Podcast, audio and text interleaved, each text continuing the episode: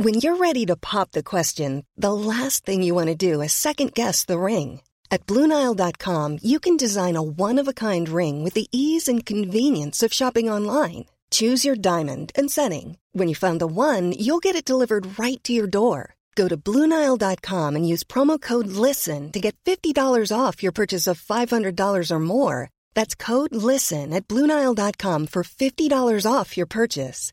Bluenile.com code LISTEN. Wow! Nice! Yeah! What you're hearing are the sounds of people everywhere putting on Bombas socks, underwear, and t-shirts made from absurdly soft materials that feel like plush clouds. Yeah, that plush. And the best part? For every item you purchase, Bombas donates another to someone facing homelessness. Bombas. Big comfort for everyone. Go to bombas.com slash ACAST and use code ACAST for 20% off your first purchase. That's bombas.com slash ACAST. Code ACAST. There's never been a faster or easier way to start your weight loss journey than with PlushCare. PlushCare accepts most insurance plans and gives you online access to board-certified physicians who can prescribe FDA-approved weight loss medications like Wigovi and Zepbound for those who qualify. Take charge of your health and speak with a board-certified physician about a weight loss plan that's right for you. Get started today at plushcare.com slash weight loss. That's plushcare.com slash weight loss. plushcare.com slash weight loss.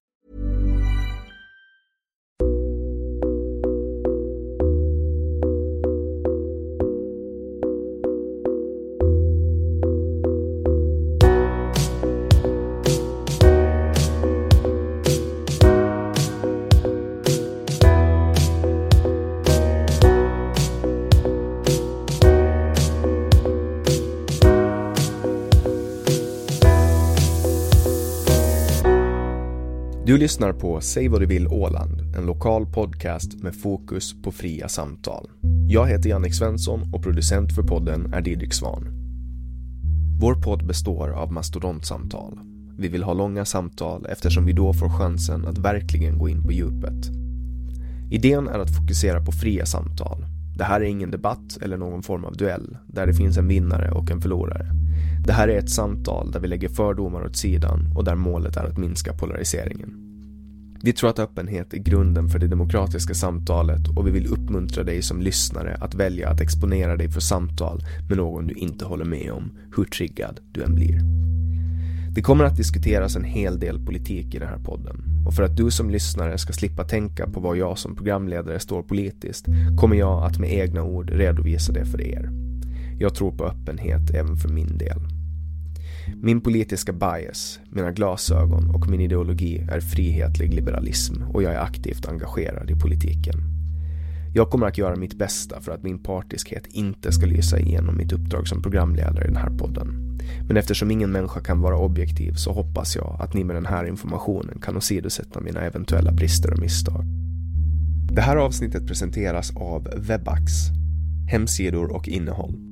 Jag heter Jannik Svensson och du lyssnar på Säg vad du vill Åland.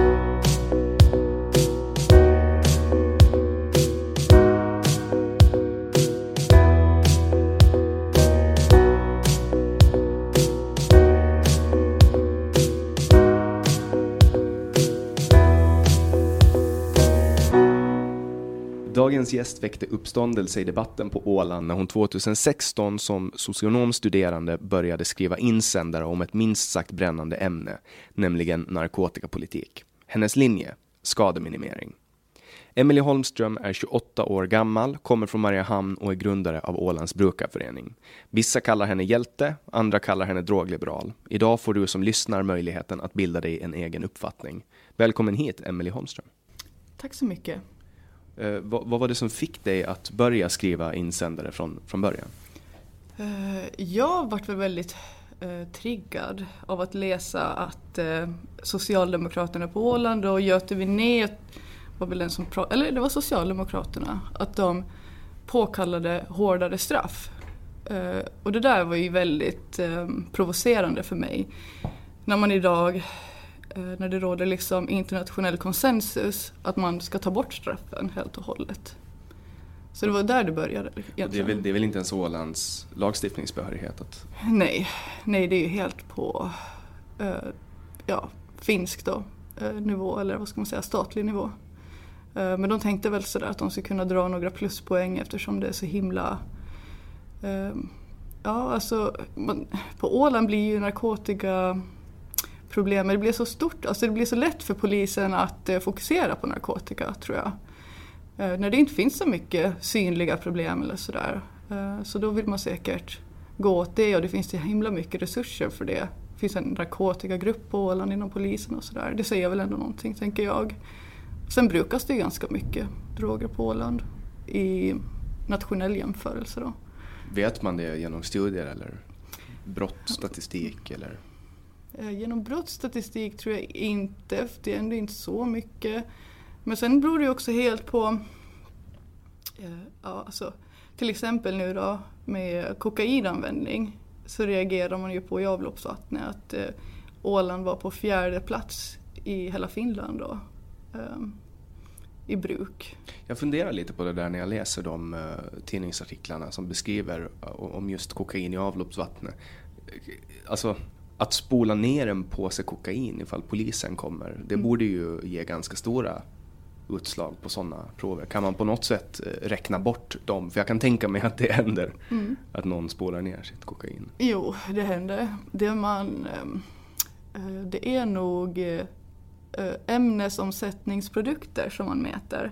Så det är sånt som kommer från kroppen efter det har använts. Då. Så det ska inte gå att liksom mäta typ eh, kokain eller om folk spolar ner eh, cannabis eller sådär. Eller det kanske går att mäta. Men det är inte det man söker efter utan man vill ju veta det som kommer från uriner då helt enkelt.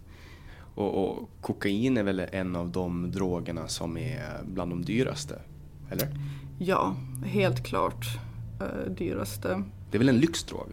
Eh, Ja, men det har faktiskt eh, blivit lite, alltså, men det beror ju också på. För att eh, om man tänker så här, kokain och typ MDMA, det tilltalar ofta folk som är ute i svängarna och festar och sådär. Och MDMA det är en partydrog då? MDMA är då eh, verksamma ämnet i vad man brukar kalla för ecstasy. Eh, och sådana lyckopiller som de också brukar kallas.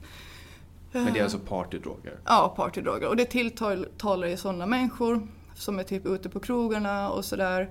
Eller kanske hemma och festar också. Men om man tänker att det kanske kostar eh, kanske det är ungefär, jag tror priset brukar ligga på ungefär 120 euro kanske för ett gram. Och så tänker man då alltså om man ska typ Hur länge, kan- hur länge klarar man sig på ett gram då? Eh, Det beror ju helt på den som brukar det, ska jag säga. Men, Eh, men typ, alltså om man, om man jämför att man, om, man, om man säger att man klarar sig på en 24 öl, alltså en låda öl, en helg. Hur, hur långt räcker en gram då? Ja, det är nog en person en kväll i alla fall. Beroende på hur starkt det är då förstås. Är det riktiga liksom, kvalitetsgrejer så då räcker det ju i alla fall ett gram till några personer liksom. På en, ja, kanske två, tre personer. Sådär. Men nog brukar kanske man räkna ungefär ett gram per en person då, sådär på en kväll. Så det är lite upp- dyrare än, än, än alkohol i butik? Ja, men sen beror det på- också på hur mycket man festar och sådär. Så folk tror jag tänker så. Festar man kanske två gånger på en månad, så liksom, vad, vad får det kosta ungefär att ha lite kul? Andra kanske gör andra aktiviteter, får på festivaler, köper sådana biljetter och sådär. Så jag tror att eh, det är lite så man ska tänka kanske då. Vad folk väljer att festa på. För nu pratar vi väl om den största gruppen av narkotikaanvändare är väl den gruppen som klarar av att hantera det? Mm, ja, alltså i regel är det ju av problemkonsumenter, till exempel med kokain, då är det 20% som använder som blir problemkonsumenter. Eller som är problemkonsumenter. Så det är liksom 80% av alla som tar kokain som är helt vanliga användare då. Och, det, kan... och det, finns, det finns bevis för det då? Ja, alltså jo, det finns ju... eh, Alltså det blir alltid samma procent i princip när man mäter problemkonsumenter och då får man ju svara på enkäter då, typ om man har eh, alltså vad som brukar känneteckna ett missbruk och det är väl typ om man kanske eh, ja, om man typ eh, missar jobb eller inte vill fara på så här sociala aktiviteter som kalas eller sådana saker och typ om man tar mer än vad man har tänkt göra eh, eller om man typ tar trots att man har tänkt att man inte vill ta liksom. Det börjar liksom ringa att man har ett problem. Um, men det gör ju ingenting att det är en kväll någon gång utan det ska vara under en sex månaders period och det ska vara flera av de här kriterierna som ska uppfyllas. Uh, så att, um, att Men med det som avstamp så kan vi ju säga till, till våra lyssnare att, att, när vi pratar i de här termerna så pratar vi alltså om de, just nu i alla fall, om mm. de 80% som klarar av att hantera mm. drogerna. Mm. Och tror du att det är ungefär samma på Åland, att det är mm. 20% som blir problemkonsumenter? Ja. ja, men alltså det är ju med kokain, typ 25% är det med heroin, det är ungefär 5-9% cannabisanvändare som blir problemkonsumenter. 59 procent? Ju... 5 till 9. Jaha, herregud. Jag tror... Ja, det är så himla olika. Det är så himla känsligt det där med cannabis, med problemkonsumenter. För det är många som säger sådär att ja, med cannabis kan man inte vara beroende av, men jo, det kan man. Ehm, och sen typ amfetamin och alkohol ligger väl på 15 procent som blir problemkonsumenter. Man brukar väl prata om att mellan 15 och 20 procent av befolkningen har det som kallas för beroendepersonlighet. Mm, ja, det där är inte jag så himla... Alltså beroendebegreppet börjar man faktiskt um, typ avstå ifrån idag. För det är en ganska, det är en ganska så dålig term för att beskriva någonting. För att ja, även om man är beroende betyder det inte att man är en problemkonsument.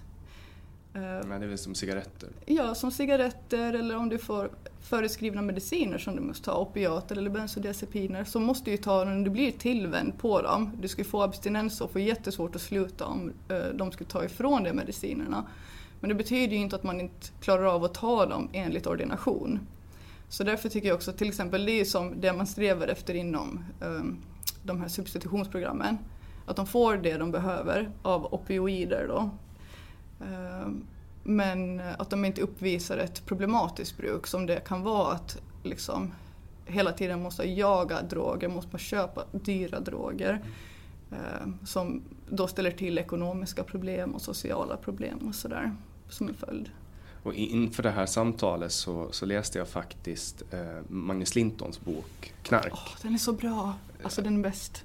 Mm. Ja, var, där där kom det ju, framkom det ju mycket skrämmande fakta om just substitutionsvårdsprogrammen. Om, om svårigheterna för eh, personer att ta sig in mm. i programmet. Mm. Eh, och sen också dödsdomen att komma ut. Oh, det är väl typ över 50 procent av dem som eh, faller ut eller som blir nekade programmet som dör. Mm. Och det är så intressant att du tog upp det där för att eh, när jag gick i gymnasiet så var det två Eh, då tjejer då, eh, unga kvinnor som gick eh, i min årskurs, i, mitt, i min klass. Och de började berätta massa konstiga saker om substitutionsprogrammet och jag tänkte sådär, ja de berättar säkert inte hela historien åt mig. Eh, det är säkert mer till det här än vad de berättar. Sådär. Men sen när jag kom till högskolan så började jag läsa om substitutionsvård så fanns det liksom tusentals alltså forskningsstudier på klienters berättelser, liksom internationellt också, men också i Sverige, som stämde överens med vad de berättade om.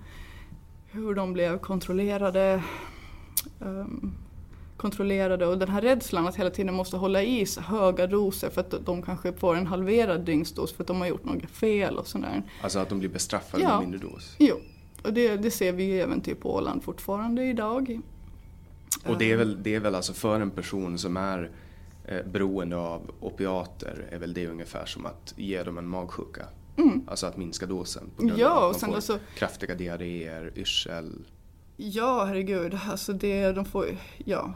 Eh, och sen är det ju ett ökat drogsug så att om, om vården säger så här, nej men då gör vi det bara en halv dygnsdos idag då tänker de på, men då måste jag ju skaffa mera. Då, måste de, då drivs de ju till svarta marknaden direkt. Och det kostar ju också mycket pengar. Liksom. De medicinerna som man ger till folk i substitutionsprogram är ju dyra. Liksom. En 8 milligrams eh, eh, Subutex kostar ju liksom mellan 50 till 80 euro. Och det är liksom vad folk går på dagligen. Det är en ganska vanlig liksom, Alltså för, för vården? Ja. Alltså kostar det 50 till 80 euro för vården? Nej, det är vad det kostar på gatan. På svartmarknaden? Okay. Mm. Vad kostar det för OS att köpa en tablett Subutex? Jag tror inte det kostar så himla mycket. Eh, de påstår, de skulle faktiskt vilja att sina de stabila patienterna börjar gå på recept istället för de tycker att de ska typ spara pengar på det. Men man kan faktiskt inte tvinga folk att gå på att man måste hämta det, eller alltså betala själv. I och med att det är en behandling. Ja, precis. Alltså att man får välja det. Alltså vissa vill ju gå och bara hämta det på recept. Men andra tänker faktiskt att det är ekonomiskt. Alltså jag tror att det kanske kostar, kanske, kanske det kostar runt 40 euro kanske eller något sånt för ett recept. Eller, ja, alltså det där är jag inte helt säker på. Men kanske något sånt. Det, beror ju helt på vad man får för dos och sådär. Men... Men, men substitutionsvård funkar enbart om man har ett beroende av opioider, alltså eh, eh, heroin eller, eller, Mm, and, ja. eller någon form av alltså, opiat, Mm. värktablett, tramadol. ja, allt sånt.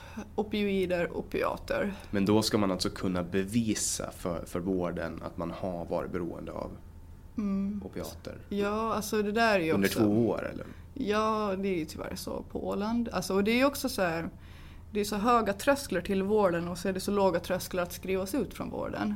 Och det här vill man liksom inte erkänna på Åland, att det är så. Men det är så. Eh, Det är liksom inte svårare än att kolla hur man gör i Stockholm till exempel, eller hur gör man i andra europeiska länder och sådär. Eh, Det är alltså de reglerna vi har idag på Åland hade man kanske för 20 år sedan i typ Sverige. Vem är det som har behörighet att ändra reglerna?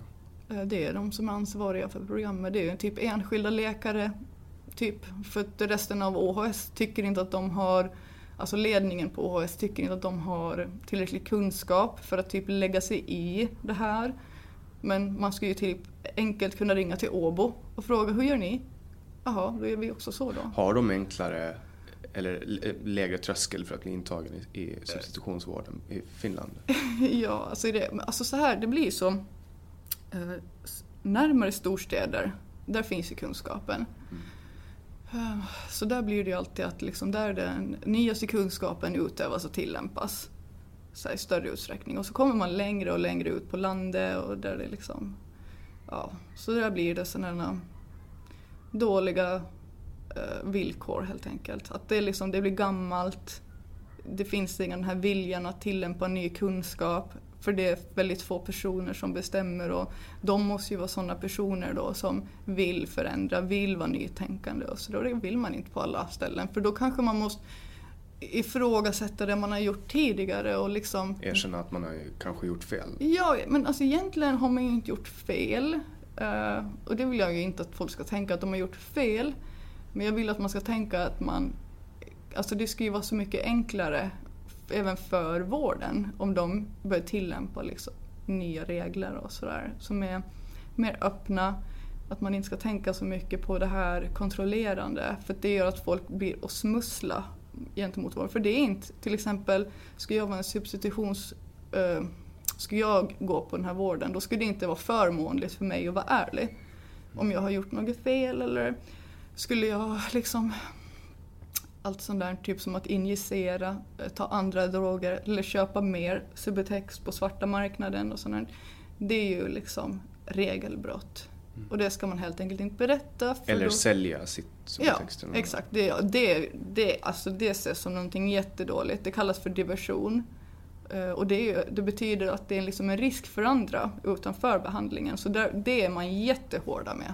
För någonstans måste ju den subtext som finns på gatan komma ifrån. Ja, eh, Och men det är väl troligtvis från programmet eller från rånade läkemedelstransporter eller något sånt. Mm, ja, alltså för den största delen tror jag, alltså på Åland särskilt, eh, det är ju säkert import då för att Subutex, alltså det använder man inte inom programmen på Åland.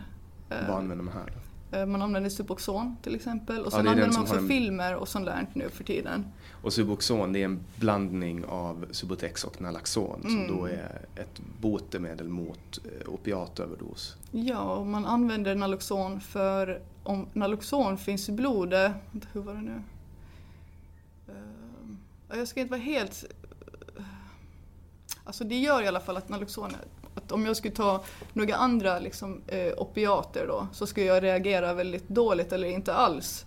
Eh, så därför har man valt att ha en sån där Alltså det minskar helt enkelt missbrukspotential av det. Det, och det går inte att injicera heller. Det går att injicera. Det går, okej. det går det. Men det är inte meningen att man ska kunna göra det. Ja, det, så var det tanken ja. Ja. Men det gör folk.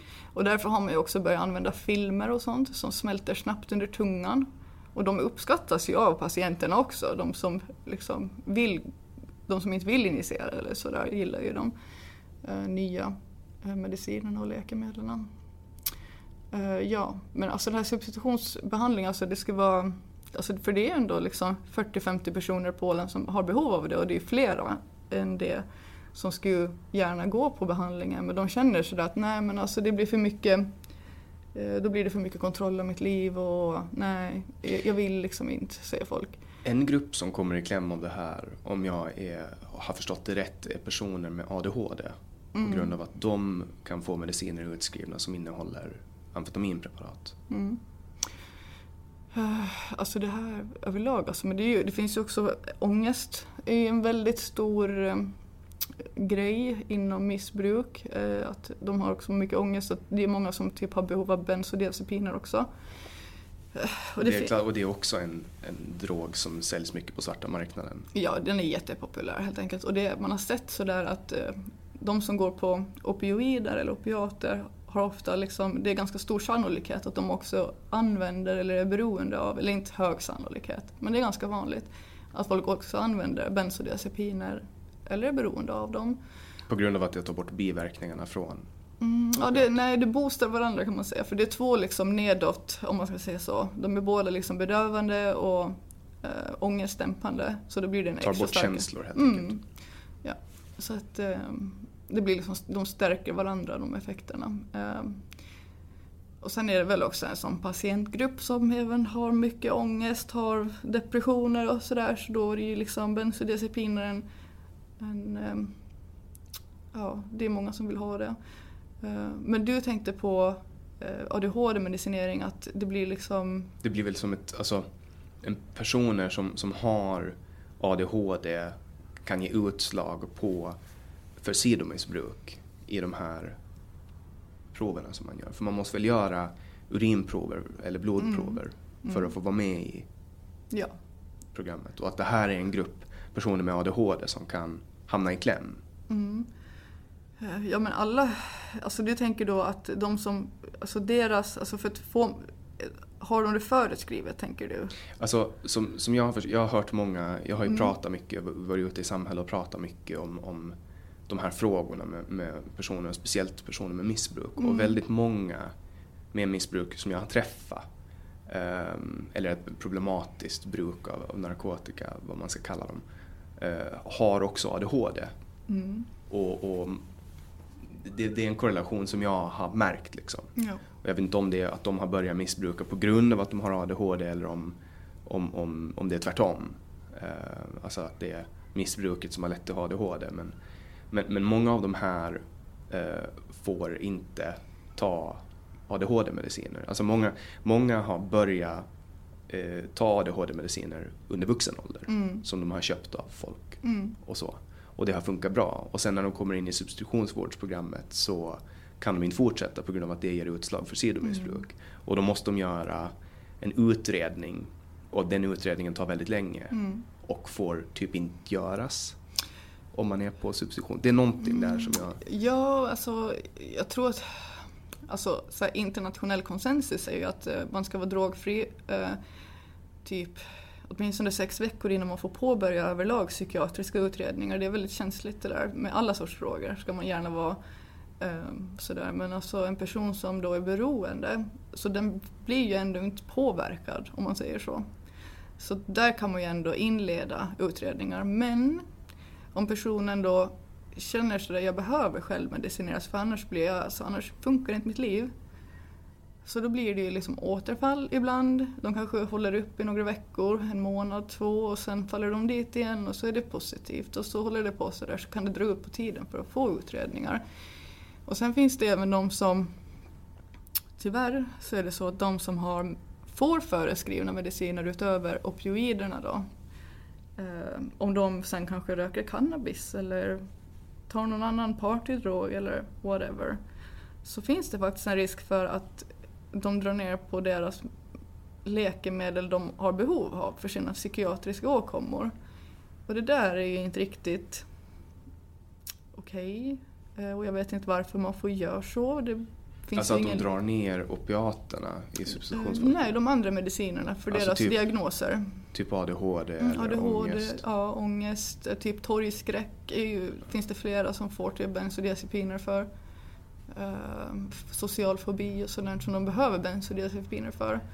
Men då tänker de, nej men du missbrukar, så då, eller om du tar annat, så då tar vi bort det här. För Och då, då är det, det en risk man- för dig liksom. Och det, är det för att man säger så här, ah, okej, du tycker om att ta partydroger, då tar vi bort den här drogen som vi vet att folk tycker att är rolig. Mm. Typ benzo. Ja, de tänker så här att det är en medicinsk risk för, men de tänker så att ja men det är en risk typ att hålla på och blanda droger. Men egentligen, Och det är det ju. ja det är det, men är man beroende av dem och får det föreskrivet och tar det enligt ordination så är det ju egentligen ingen någon risk. Eh, så. Eh, det man måste göra då som klinik är ju att faktiskt utreda om de missbrukar andra substanser än de de får föreskrivna eller sina föreskrivna mediciner. Anser de att det är ett missbruk att ge ett utslag på till exempel cannabis som är olagligt? Mm. Anses det Mer som ett mindre. missbruk? Ja. Trots att det är en gång? Ja, alltså för att de tänker ju, eller ja kanske inte en gång, de kan ursäkta en gång eller två. Men sen börjar det liksom bli svårt att ursäkta det och då börjar de, ja det är nog ett missbruk. Um, fast, För att det här är väl ändå en grupp eh, av människor som självmedicinerar. Det är väl där drogerna kommer in Mm. från första början, oftast. Om jag har förstått det rätt. Att missbruk börjar med att man vill medicinera bort någonting. Oftast, är, ofta är det ju människor som har upplevt trauman i form av eh, sexuella övergrepp, våldtäkter, misshandel, mobbning Mm. ja, eller och barnmisshandel och allt möjligt sånt. som blir missbrukare. Mm. Är det en okej term att använda missbrukare? Eh, Jag försöker att inte använda det. Jag brukar bara använda problemkonsument. Men jag försöker, ibland använder jag faktiskt missbrukare. Jag gillar inte termen riktigt. För det finns ju folk som säger knarkare. Mm, Men ja, det, det- låter, det, låter ju, alltså, det låter ju hemskt. Ja, alltså men det är ju en stämplingsgrej. Det är ett skällsord. Så, För tidningarna använder ju väldigt ofta ordet knarkare. Ja, det är väl. Alltså antagligen för att det säljer. Alltså, Mm. Ja men det är en effekt, alltså det, för det, det är en svordom mer eller mindre. Mm. Så det ger en effekt liksom när de säger, skriver det, använder de orden. Men det är ju väldigt fult och det är väldigt ålderdomligt eh, förlegat. Eh, ja. men var kommer ditt engagemang ifrån? Mm, ja, som jag sa, berätta om de här två tjejerna, eller unga kvinnorna då, eh, när de började berätta om de här sakerna. Eh, sen har jag ju, alltså jag fick ju liksom det bekräftat att det var ett problem faktiskt. Det de berättade var sant. Det var inte att liksom, det var mer till den här storyn, att de berättar inte hela. Det finns nog fler sidor av det här myntet och sånt som man brukar säga. Det var sant det de sa, det var liksom kränkningar inom vården. Eh, och sen har jag ju inom, i min släkt finns det ganska mycket substansproblem. Så jag har alltid varit liksom, eh, jag har alltid haft en stor empati för människor med substansproblem. Till exempel när jag var bara sådär 10-11 år och var med mina tjejkompisar och cyklade i Mariehamn. Så cyklade vi förbi personer med alkoholproblem som satt på en eh, parkbänk så brukar jag stanna och tjomma och prata lite med dem och sådär. Eh, på senare, alltså så jag har haft sådär att jag har liksom velat bry mig, visat att jag erkänner dem som människor och vill liksom visa acceptans. Så det har alltid funnits där sen jag var liksom liten tjej mer eller mindre. Um, och sen, eh, jag har jag också en kusin som är död idag. Um, när jag gick på socionomprogrammet, när jag fortfarande studerade, um, så ringer han en gång till mig. Ehm, Det var för fyra år sedan, ungefär lite mer. Det ja, fyra år sedan på en månad tillbaka, april. Ehm, Så han ringer och säger sådär liksom, du är med att eh, kan jag få komma och sova hos dig? Jag har just muckat från Göteborgs eh, fängelse. Ingen har liksom ens hört av sig till mig. Ingen visste att jag var där, sa han. Och mucka betyder att man blir utsatt? Ja, precis. Ehm, så det var liksom, han, han, alltså man hörde på han, alltså jag, jag, jag tyckte inte att det lät som att han var särskilt påverkad så jag sa men okej men fixa en biljett liksom till Eskilstuna så får du stanna hos mig. Um, och så kom han då Han var ju jättepåverkad av både bensodiazepiner och opiater då. Han hade liksom så pass att eh, det var liksom lite så här, ja men typ dregel på hans tröja och sådär att han hade liksom somnat och varit väldigt trött. Så folk stirrade ju på mig när han kom av tåget och bara gud. För jag kramade ju om honom förstås. Sådär, och man såg liksom med hans ögon att han hade liksom gett upp. Ehm, så där. Men så jag, jag försökte liksom få honom att stanna hos mig men det var liksom, han var ju jättesjuk. Och det var sådär så fort jag lämnade min lägenhet så ringde han liksom, var är du? Alltså, han kunde liksom inte förstå att jag gick i skola. Och samtidigt så ville jag inte alltså, berätta för min familj att han var hemma hos mig. För att det var liksom lika mycket som det är stigma i samhället om jag ska ha setts på stan och prata med honom. Jaha, varför umgås du med han? Håller du också på att ta droger? Liksom sådär. Eh, så var det liksom samma sak i vår släkt. Så att eh, till och med vi, hans familjemedlemmar, stigmatiserar honom.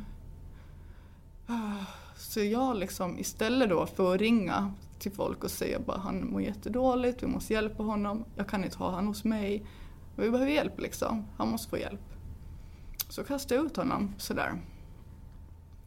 Sådär att nej men du kan inte bo här liksom, du måste hitta något annat ställe. Och två veckor senare så ringer min pappa då och berättar att han hittat stöd. Det här liksom, åh. Ja, det var fruktansvärt alltså att liksom, att det ska vara sån skam med att ha någon eh, som vi alla egentligen borde ha brytt oss om, som borde vara liksom en hel familj liksom. Att vi alla ska ha brytt oss. Ja men det skulle då leda till döden då att ja. Ja det var så lumpigt. Hela Var det- alltihopa. Var det en överdos eller? Jag vet inte, jag har faktiskt försökt ta reda på det. Men jag har inte fått några vettiga svar om vad obduktionen visar. För jag vill egentligen veta sådär, var det avsiktligt liksom? Man hade hittats, han hade hittats, upphittats i en trapphus, ett trapphus till ett härberge i Stockholm. Jag hade de hittat honom.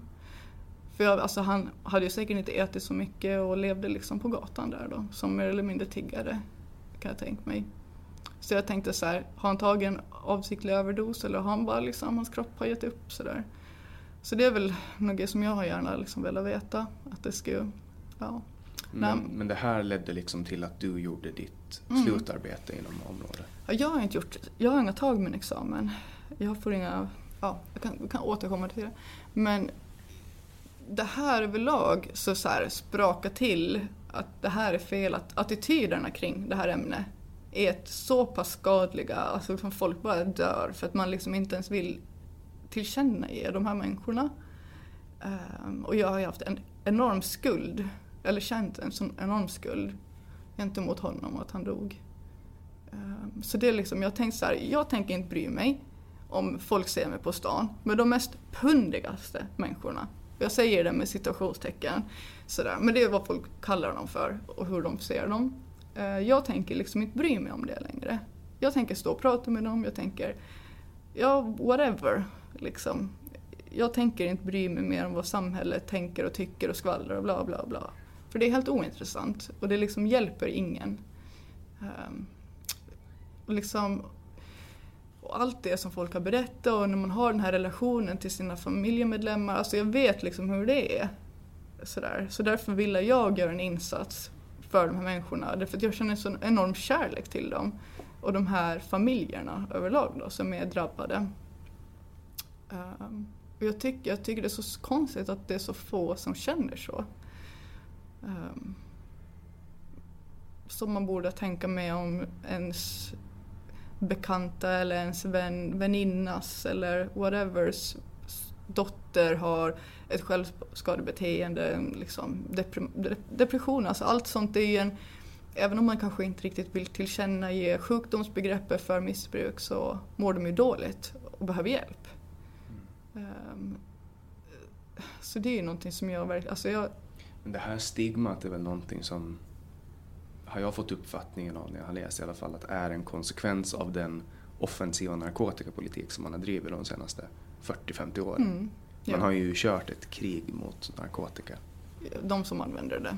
Mer eller mindre. Mm, ja. ja men det blir så för att det blir liksom Man tänker då att eh, de som använder det gör ju att det finns droger. Ska inte folk efterfråga droger så ska vi inte ha droger och därför måste man ta bort de som använder det. Det är liksom på deras ansvar eh, hela liksom hjul ligger och det är ju det som gör att liksom polisen riktar sina insatser mot brukare, de håller på att lagför dem, sätter dem i fängelse, tar deras körkort, gör allt som ska vara så himla svårt. Det är ju det de säger och det var det som triggade mig så mycket den där vintern när jag började skriva. Att man sa, 2016? Ja, precis. Eh, man ville göra det svårt för missbrukare och det där är någonting som gör så ont i mig när jag tänker på min kusin.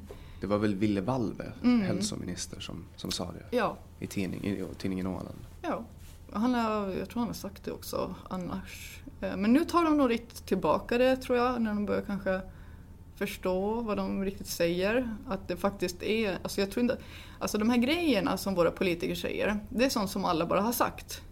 Det är liksom fördomar som reproduceras, stereotyper, bla bla, man bara säger det. Man förstår inte ens vad man säger. Är konsensuskultur. Mm. Alltså det har väl råd i en så stark konsensus kring att, att man ska ha ett offensivt krig mot droger och, och missbrukare. Att, att det har varit det normala att säga. Ja. Allt annat har varit konstigt. För att det blev ju, det blev ju ett jäkla liv när du började skriva insändare. Mm.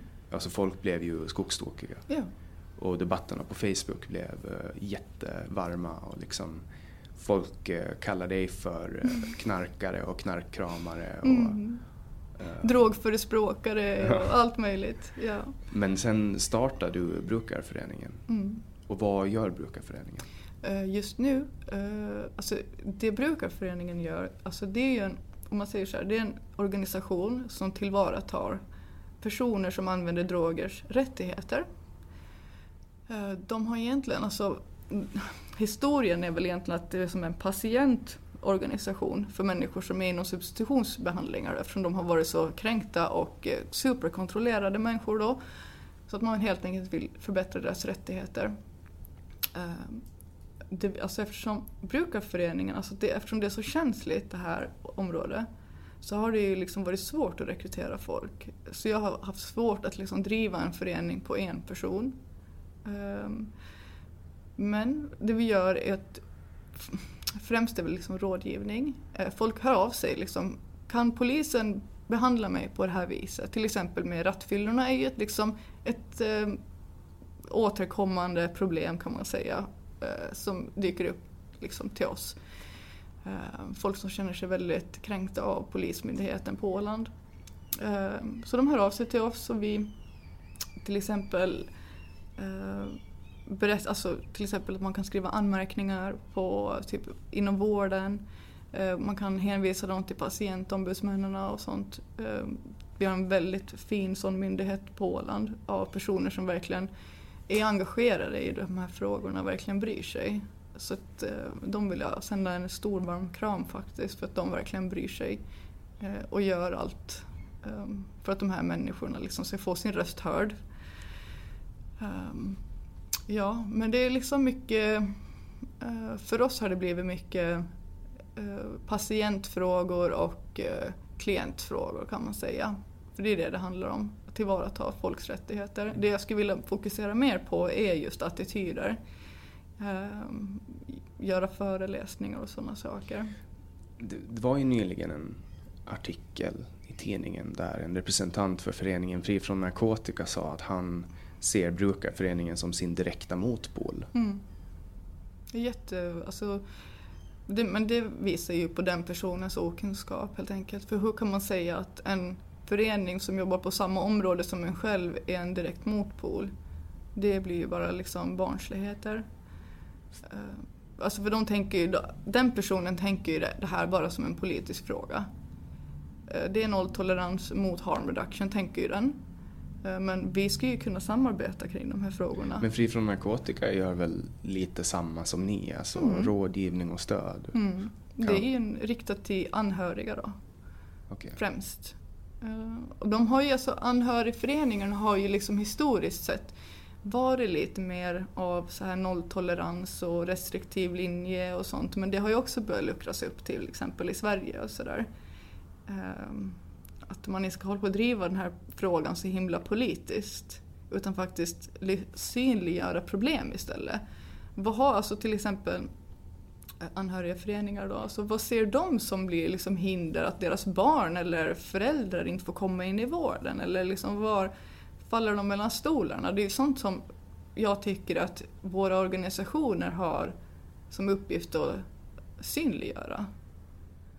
Inte att eh, hålla på, nej men din son eller du som använder du ska tycka så här eller du får inte tycka så där. Liksom.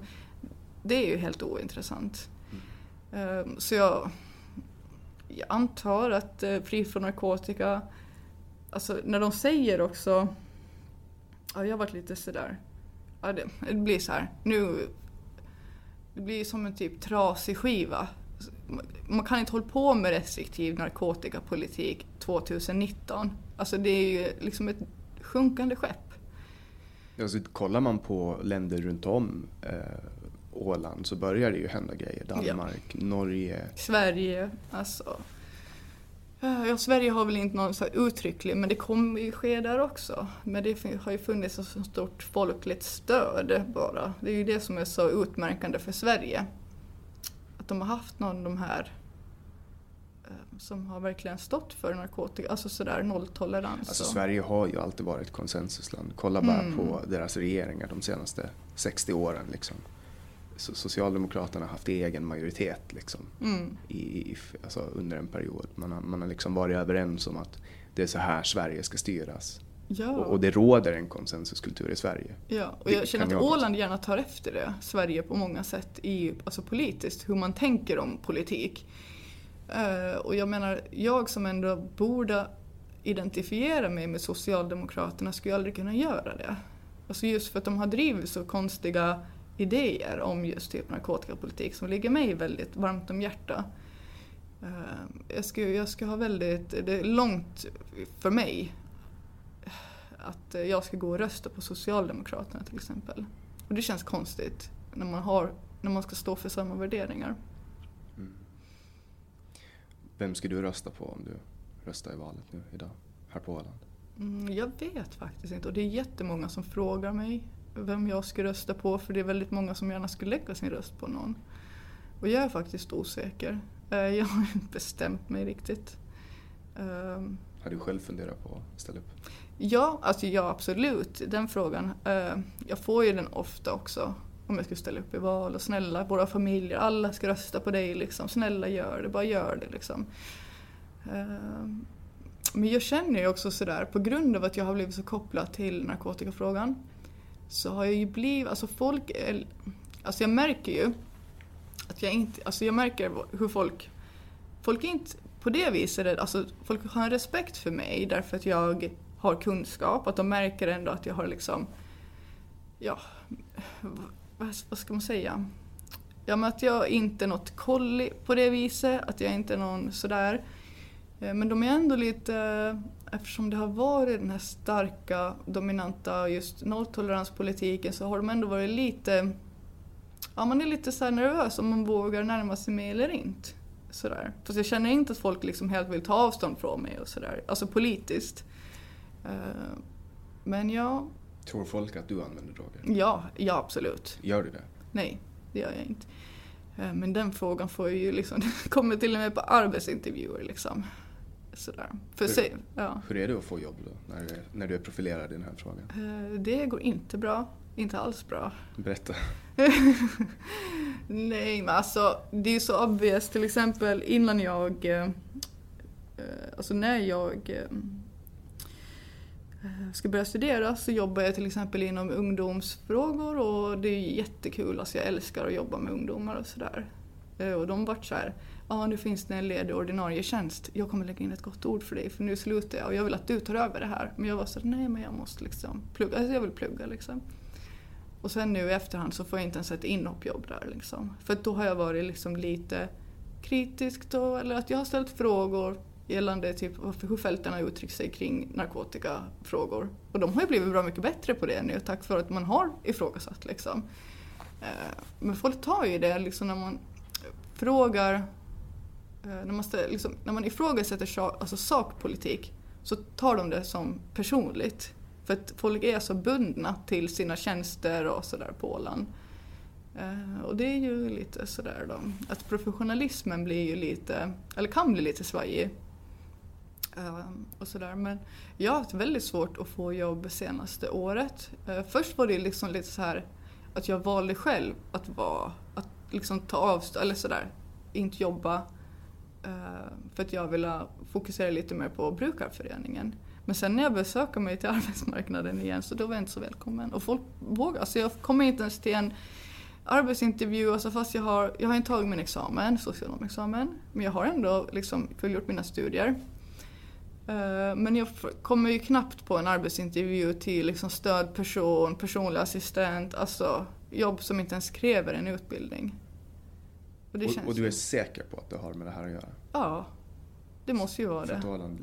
Ja. Jag hör ju saker om dig också. Mm. Och en av de sakerna jag har hört är att du är del av ett aktivistnätverk som åker på föreläsningar och eh, citerar eller skriver ner det de säger och sen förvränger det och publicerar det på olika Facebookgrupper. Wow, men gud vad konspiratoriskt. Är det här sant? Nej, det är det inte. Men... Var, alltså, ingen rök utan eld tänker jag. Känner du igen vad, vad det här kan vara för någonting? Ja, alltså av eget intresse så här, så här när man går på föreläsningar, om jag hör väldigt konstiga saker under en föreläsning, så då kan jag ju skriva det, ett Facebook-inlägg. Bara, Gud vad konstigt, det här, så här får man inte säga idag typ. Det här är ju jättehemskt. Uh, men sen aktivist, jag har ju liksom, i och med att jag har skrivit insändare så får man ju kontakt med andra som skriver insändare och kallas för aktivister. Men det är inte som att vi är något eh, nätverk som typ träffas, nu ska vi göra det här, bombardera dem eller något sånt. Eh, det är liksom vadå Facebook-kompisar liksom. Eh. Men, men, du menar alltså att det, att det händer att du går på föreläsningar och skriver ner vad de säger? Eh, jag skriver ju alltid ner vad folk, alltså under en föreläsning, det är ju någonting jag har fått med mig av högskolestudierna. Att jag sitter och skriver det folk säger. Och sen om jag väljer att liksom um, ja, skriva någonting om det. Alltså för det, det som inte folk tänker på, alltså när man läser, när man skriver ner saker folk säger, då kommer det. Alltså när man, ja, alltså det kommer fram så tydligt vad folk har för åsikter, så därför brukar jag sitta och skriva. Men det gör jag ju på mina före, alltså, eh, föreläsningar i skolan också. Men du tillhör alltså inte en aktivistgrupp som skriver ner Nej. saker? Nej, det gör jag inte. Men gud vad häftigt att folk har liksom lagt ihop det sådär. Tycker jag ändå. Uh, vad intressant. Det men vilka konspirationsteorier. Ja. Fast det är, väl, det är väl lite så på Åland. Mm. Alltså folk har, har, sina... Jag har också hört många gånger att du själv är en glad drogkonsument. Som, uh, och att brukarföreningen i princip är en, en, en, ett gäng eh, knarkare som sitter mm. och knarkar tillsammans. Wow, ja. Ah, nej. Uh, alltså jag har jag kommer inte sticka under stolen med att jag har egna erfarenheter av drogbruk. Liksom. Eh, jag har ju aldrig haft något drogproblem eller sådär, men jag tar ju inte droger längre. Jag är liksom, men sen, i och med att jag alltid Alltså om man har tagit droger så får man ju kontakt med andra som tar droger. Så jag har alltid haft ett väldigt stort hjärta. Så de människorna kommer ju tillbaka till en, de liksom kommer ihåg en. Jag lyssnar liksom. Och jag är en superbra lyssnare. Så... Är det första gången du berättar offentligt att du har tagit droger? Ja, det tror jag. Eh, men jag, sen har jag ju någon gång skrivit någonting så som antytt det, eh, typ på Facebook eller sådär. Men det är ju ganska ointressant vad jag gjorde när jag var i 20 års, alltså sådär tidigt 20 års ålder liksom. Um, Hur länge sedan var det sist du tog droger? Uh, ja, det är några år sedan alltså. Vad blir det? Ja, men kanske typ 23-24 eller något sånt. Vad var det du tog då? Eh, jag har ju också gillat typ droger som MDMA och sånt och det är ju droger som överlag i Finland, alltså Finland och Storbritannien ökar just MDMA-konsumtionen mest i hela Europa just nu. Så man hör till och med, alltså jag får så här jag, pratar, jag blir liksom intervjuad av eh, gymnasieungdomar ibland om narkotikapolitik. Och då får jag ibland liksom höra, de kommer liksom i efterhand, pratar de lite med mig, så säger de så ja men jag har kompisar, och då är de 19, 18, 19. Jag har kompisar som tar MDMA varje helg, det kan väl inte vara så bra? Bara, nej, nej, det är verkligen inte bra för signalsubstanserna. Sådär. Um, och då, alltså det visar ju på hur liksom den här nationella statistiken hänger ihop med det man hör också här. För Åland blir ju som en så här uh, genomfartsled. Alltså för om man säger så här med droghandeln österut kommer oftast bara skitdroger. Så det mesta kommer ju från Sverige som är någorlunda bra kvalitet. I Finland överlag så är det ju skitkvalitet. På... För att det kommer från Ryssland? Ja, och Estland och sådär. Det, det främsta från Ryssland, det brukar inte ja. vara så hög kvalitet på allt från Ryssland. Liksom. Mm, mm, exakt. Uh, så, ja, så att på liksom Åland så blir det ju så här enkelt för folk. Det är det ju inte för finska ungdomar eller folk att liksom handla droger i Sverige. Det blir ju en lång resa liksom. Men på Åland är det ju så himla nära. Så jag, alltså jag förstår att drogbruket är liksom högre. Alltså, ja, I storstäderna är det ju alltid högst liksom, när det är så nära och så mycket folk tätt in på varandra. Men Åland som är en liten landsbygdsort egentligen. Eh, att folk tar mycket droger här. Men en situation med Åland eh, för, för folk som, som använder droger här är marknadspriserna mm. går kraftigt upp på grund av tullarna. Mm. Är det till nackdel eller till fördel? För, för jag tänker äh, droganvändningen, om vi utgår ifrån att en så låg droganvändning per capita äh, som möjligt är bra. Mm. Jo. Är det bra med höga priser eller är det dåligt? Eh, ja, alltså Ja, för då blir ju folk att tänka ekonomiskt. Jag köper lite mindre för det är dyrt liksom. De måste tänka efter sina val. Eh, men det är ju en svart marknad. Så det finns ju väldigt, alltså en, en fri marknad är ju Folk brukar säga så här om legaliserar, äh, de som vill legalisera, att ni vill släppa narkotikan fri. Men det är helt tvärtom. Ja, den, är, den, är nu, den är ju fri. Den är nu fri. ja. ja. så nu är det ju liksom helt fritt för vem som helst att konkurrensutsätta. Vi säger att amfetamin kostar någonting. Då kan ju någon annan fixa bättre kvalitet och sälja det billigare. Och då blir det ju en motivation för nästa person att konkurrera ut den personen med att hitta någonting ännu bättre och kanske sälja det kanske samma pris eller lite dyrare om det. Sådär. Så det är så det funkar. Men ehm, Ja, din fråga var om typ om det... Alltså minskar narkotikabruket av att priserna är högre? Mm, jag vet, alltså... För det är väl relativt högt på Åland om man mm. jämför med... Ja, för prisen är ju nästan lite som i Finland. Det är någonting med den här finska gränsen till Åland, att det är tull och allting, sådana risker. Så att det ökar väldigt högt bara det kommer till Åland. Eh, men ja, alltså jag tror nog det att... Eh, men egentligen... Alltså jag tror att det kanske är så små mängder det egentligen handlar om. För folk kommer ju ändå tänka sådär att jag vill festknarka lite den här helgen. Så då köper jag någonting. Uh, är det lite dyrare, ja då får folk spara. Alltså, sådär, jag, tror, alltså, jag, vet, alltså, jag vet inte om det har så egentlig stor effekt. Uh, kanske alltså, kanske typ så här 10% mindre konsumtion kanske. Men att folk använder ju ändå regelbundet eller kommer kanske tänka sig jag har råd att använda eh, en gång i månaden eller en gång varannan månad eller sådär. För, för kollar man på vad en utekväll kostar på Arken så är det ju lätt att, att komma upp i 100-150 mm. euro. Mm. Visst. Och det är väl ungefär i så fall om man tänker på kokain eller MDMA eller whatever, liksom att folk tänker att det vill de ta då, eller konsumera i narkotika istället. Kan, kan de här priserna göra att Åland blir mer attraktivt för utländska aktörer att ta sig in på marknaden här? Ja, eh, ja absolut. Och det kommer ju ibland lite sådana tomtar till Åland som kanske har bränt sina broar i Sverige och sen får de nys om att Åland är nice. Eh, det, sådär.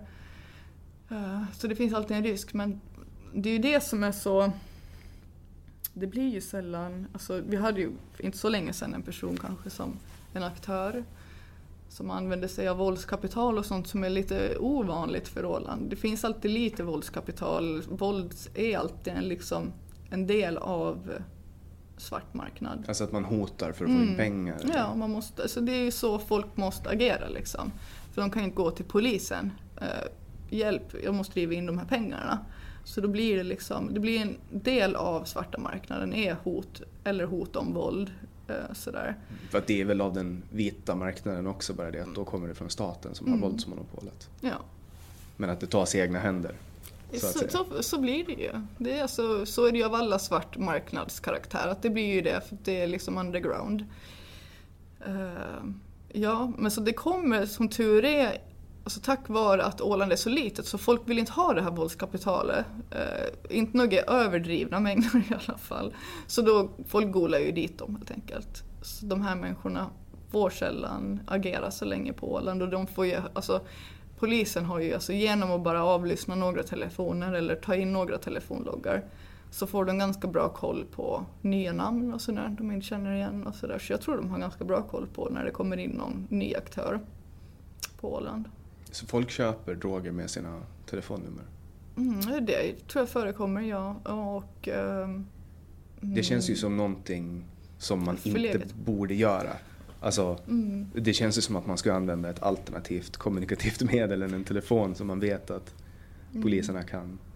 Ja, men jag tror inte att överlag eftersom drogbruk är så pass vanligt så jag menar inte, har ju polisen koll på alla brukare. Och brukare är ju ändå, det är ju inte om polisen så här, ja det är väl lite med de här rattfyllorna då som polisen håller på nöter med, med att hålla på trakassera brukare. Men eh, överlag så tror jag inte att en brukare är så rädd för att bli av med sin telefon liksom.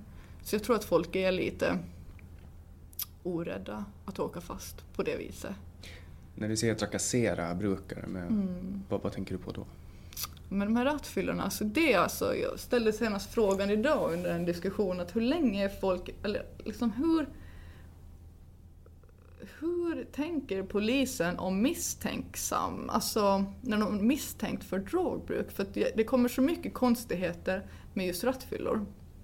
Till exempel eh, Alltså en person då som skjutsar en annan person som var känd. Och då stannar polisen fordonet. Vill drogtesta, de frågar personen Har du tagit droger? Sa personen Nej, men jag det kanske blir positivt för att jag får utskrivet narkotikaklassad läkemedel. Så swabbar de personen, så visar det negativt, alltså ingenting. Men så tar de körkortet ändå. Eftersom personen sa att det kanske visar, så då ville de ta in personen på blodprov. Och vänta på att blod, alltså provsvaret för blodprovet kommer. Samtidigt som inga personen hade någonting på sig. Så att de också måste begära att chauffören måste ringa sin förälder, för det var dennes fordon, för att begära att göra en husrannsakan i bilen. Utan några som helst grunder. För personen Så för att personen sa att den hade en narkotik, alltså tagit narkotikaklassade mediciner som Mm. hen har fått utskrivet då. Ja, och fast ingen hade visat någonting på liksom swab-tester. Och swab det är då den här tunggrejen de gör på tungan, tar sig livet, snabbtest. Precis. Dreger 2000 eller vad den kallas för. Ja, så att jag tycker ändå det är så konstigt hur de får Alltså på, på grund av att den personen sa ja men det kanske visar någonting för jag går på vård. Så får de göra husrannsakan i bilen, ta körkortet av personen och utdela körförbud Hur länge fick personen bli av med körkortet? tills eh, provsvaren från Åbo kommer på blodprovet.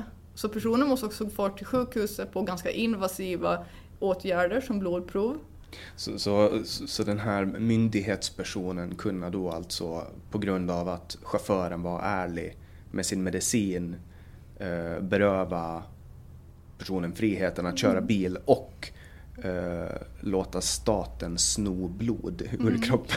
Ja, och så också kränkning inför liksom föräldern då. För att, men grejen var ju den att personen körde på en, vad polisen anser, känd person. Alltså en person som är tidigare dömd Ja. för narkotikaklass. Så det var ju därför egentligen de var stannade. Men sådär liksom, så hur...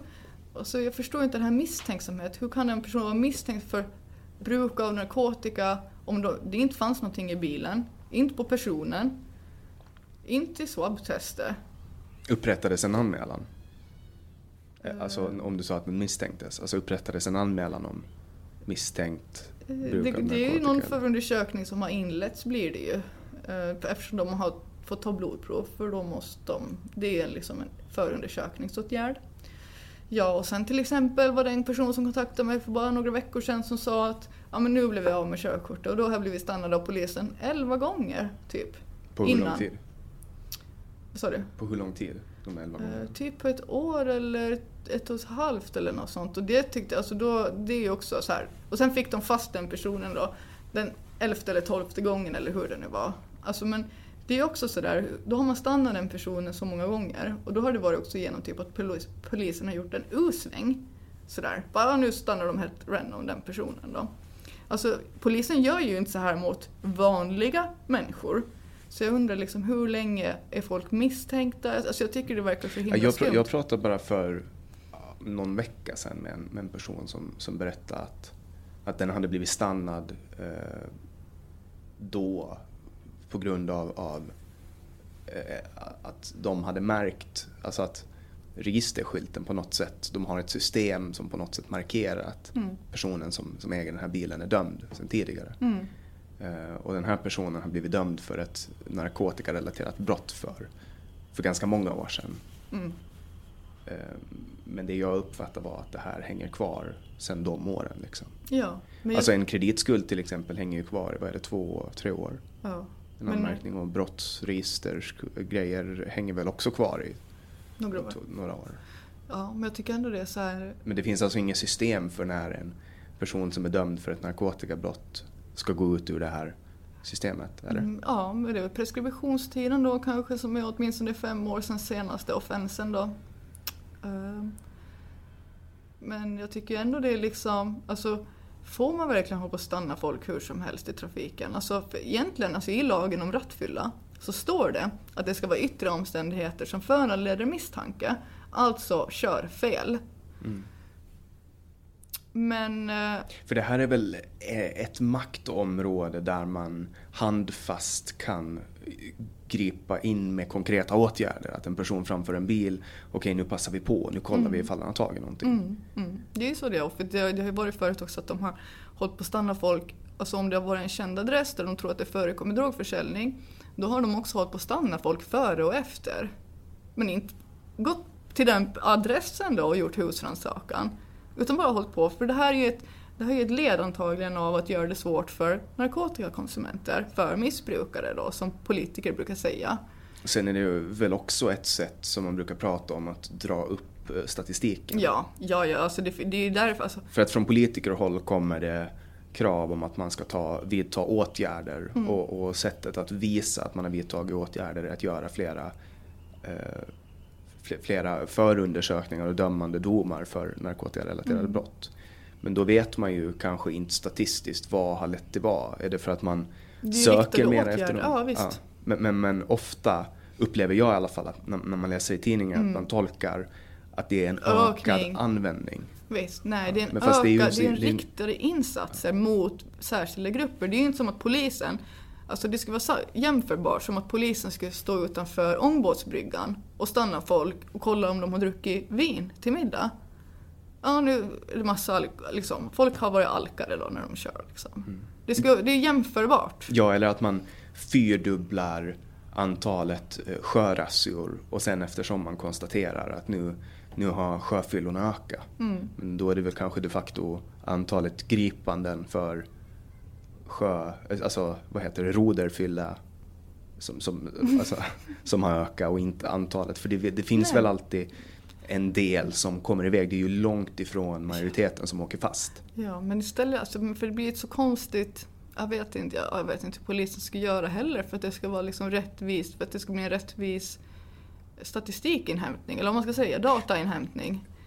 Men på ett sätt så är det väl, alltså om, om ambitionen är att få bort folk som använder droger ur trafiken så är ju det en bra ambition. För det är ju farligt att, att ta rusmedel och, och köra bil. Ja, men det är ju inte som, alltså för grejen, det, det som jag tycker är så sjukt orättvist med rattfyllelagstiftningen gällande narkotika det är ju att narkotika, alltså ämnesomsättningsprodukterna, syns väldigt lång tid efter man har tagit det.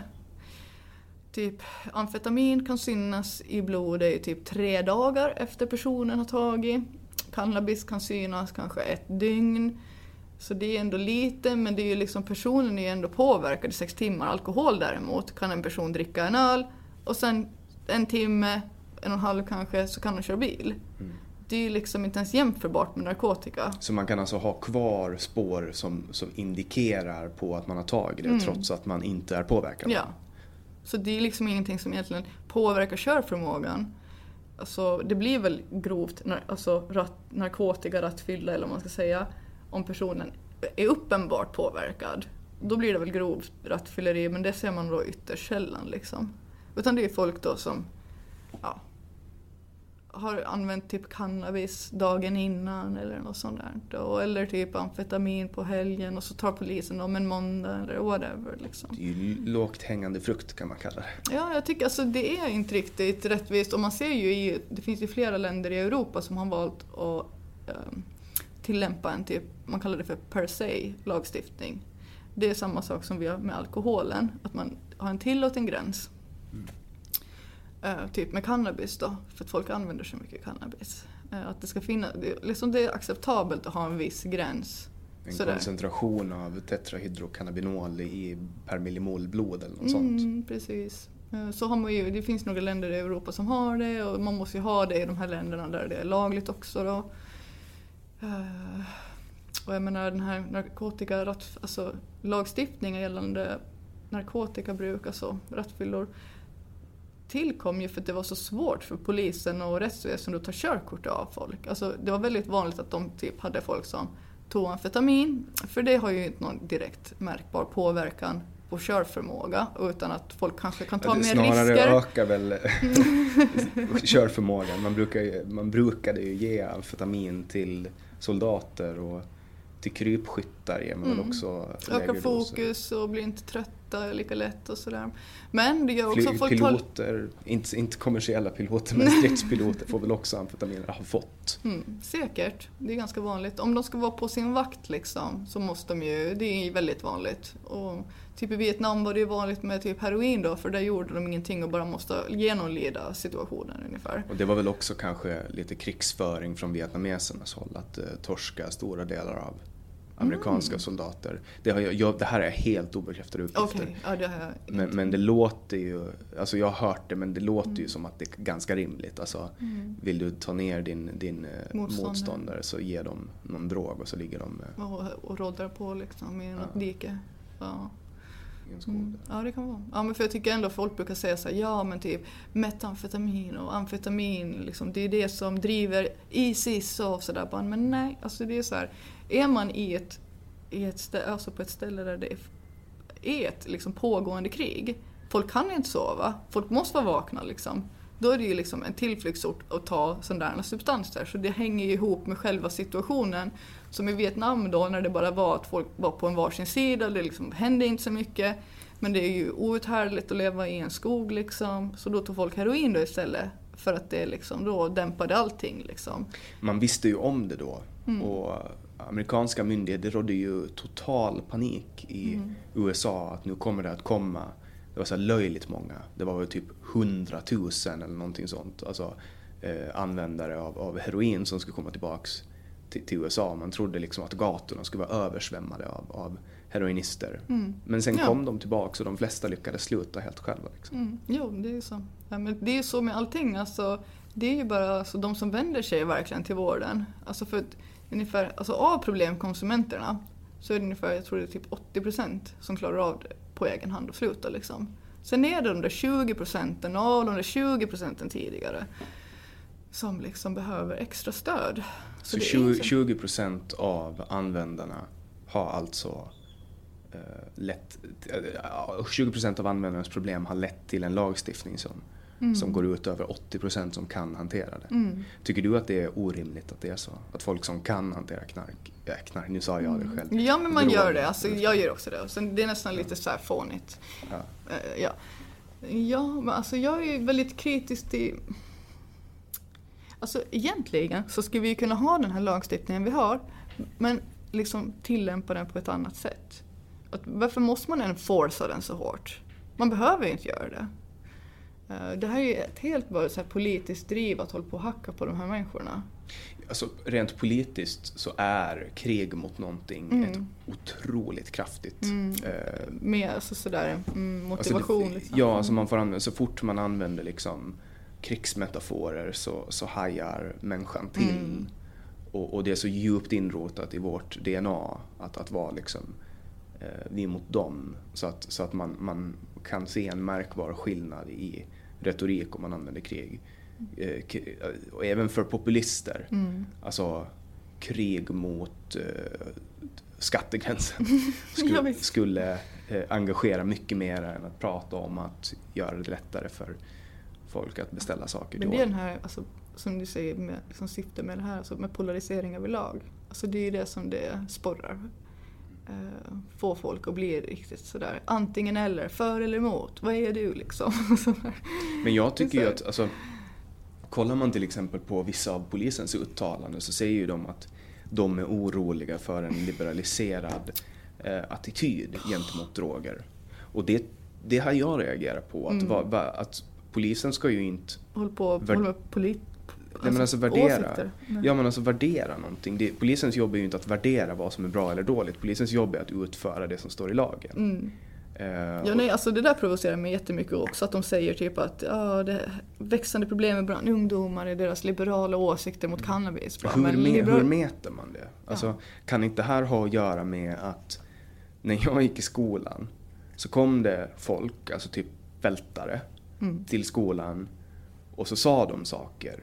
Typ som att om du röker cigaretter då blir du grön i ansiktet och sen spyr du. Mm. Eh, Och då bara man, nah. Ja men och sen, du vet, rökte man sin första cig- cigarett och så snurrade det till lite. Mm.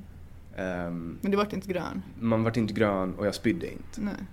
Ehm, Bara, då ifrågasätter man ju auktoriteten. Ja men exakt, och vad, vad, vad kan det, sen fick ju vi information från Mm. dem också om narkotika, om alkohol, om olika saker.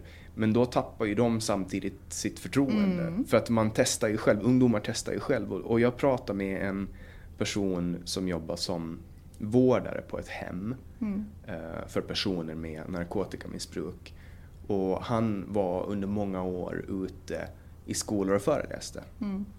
Och när jag frågade honom om hur, alltså syftet med de föreläsningarna var då att avskräcka ungdomar från att börja testa droger. Mm. Men han sa att nio av tio personer i salen blev förskräckta och tänkte fy fan, det här Ja, vill inte Han jag fick den jag effekten testar." han önskade liksom. Ja, men sen fanns det alltid en av tio som satt där och, Och hade bara- en liksom nytt hopp hade tänts. Mm. För att det finns någonting i en, en del av, av...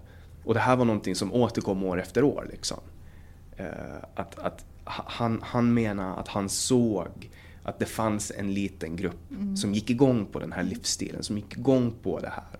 Och som kanske är men, genetiskt dömda att bli missbrukare. Ja. Och många av de här ungdomarna så kunde han sen ta emot i sitt jobb. Och han, Han är märkte att det var liksom ett litet mönster där. Mm.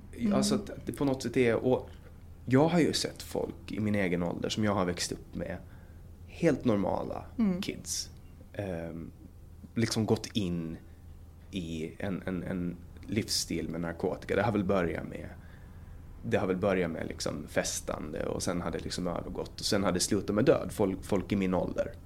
Och, och jag kan liksom inte se någonting i deras uppväxt som är mer utstickande än att de var kanske lite rastlösa. Ja. Alltså ra- rastlösa, kanske lite konfliktsökande, hamna i slagsmål men att man ganska lätt i efterhand kan säga att ja men den där hade man ändå förväntat sig att på något sätt skulle bli lite slirig. Kanske inte börja ta massa narkotika och dö, dö Mm. men, men på något sätt att man ganska tidigt kunna se att den här personen har någonting. Mm. Och nu pratar man ju mer och mer om, om sjukdomsbegreppet. Ja. Att, att man pratar om missbrukare som sjuka. Mm. Och det har man ju inte riktigt gjort förut. Nej, och det är väl av den här växande att man börjar se det som ett hälsoperspektiv. Men överlag så alltså det finns ganska mycket kritik, alltså om man bara helt så här semantisk diskussion här. Så finns det liksom lite problem med att se folk som sjuka. För då ska de underkasta sig en medicinsk auktoritet, de ursäktas sådär. Eh, ta bort ansvaret och visst, alltså sådär. Eh, Men det spännande med den här sjukdomen, missbruk eller vad man nu ska kalla den, är, är ju att den, den har tre delar. Alltså du har den fysiska beroendedelen och så har du den mentala delen.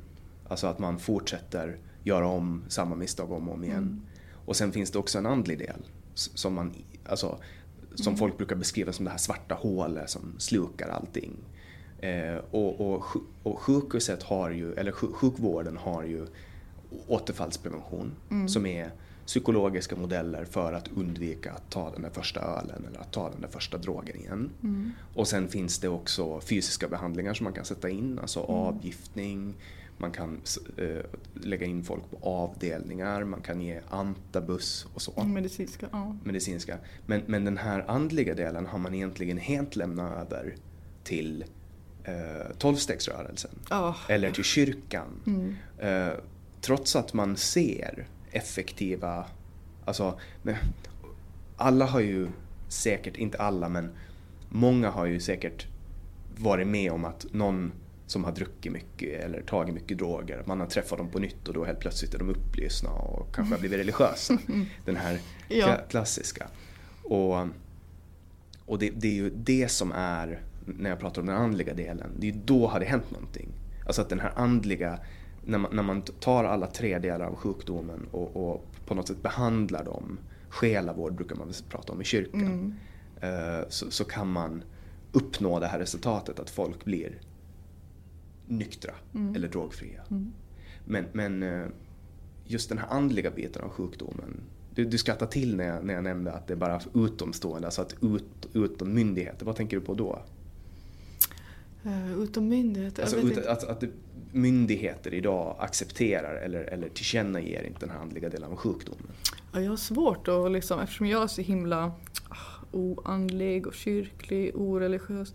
Men alltså, för jag brukar egentligen bara prata om Eh, alltså jag blir alltid skeptisk till andlighet, alltså just, just på grund av alltså att det är den här tolvstegsrörelsen som har varit så inflytelserik och den har ett sånt överdrivet fokus på drogfrihet. Och drogfrihet vet man att det inte alltid är vägen att gå. Så jag brukar alltid tänka på ordet rehabilitering. Alltså det är ju samma sak så här att man tänker på vad har varje individ för behov? Typ så enkelt. Det finns inte en modell här som vi ska köra nu.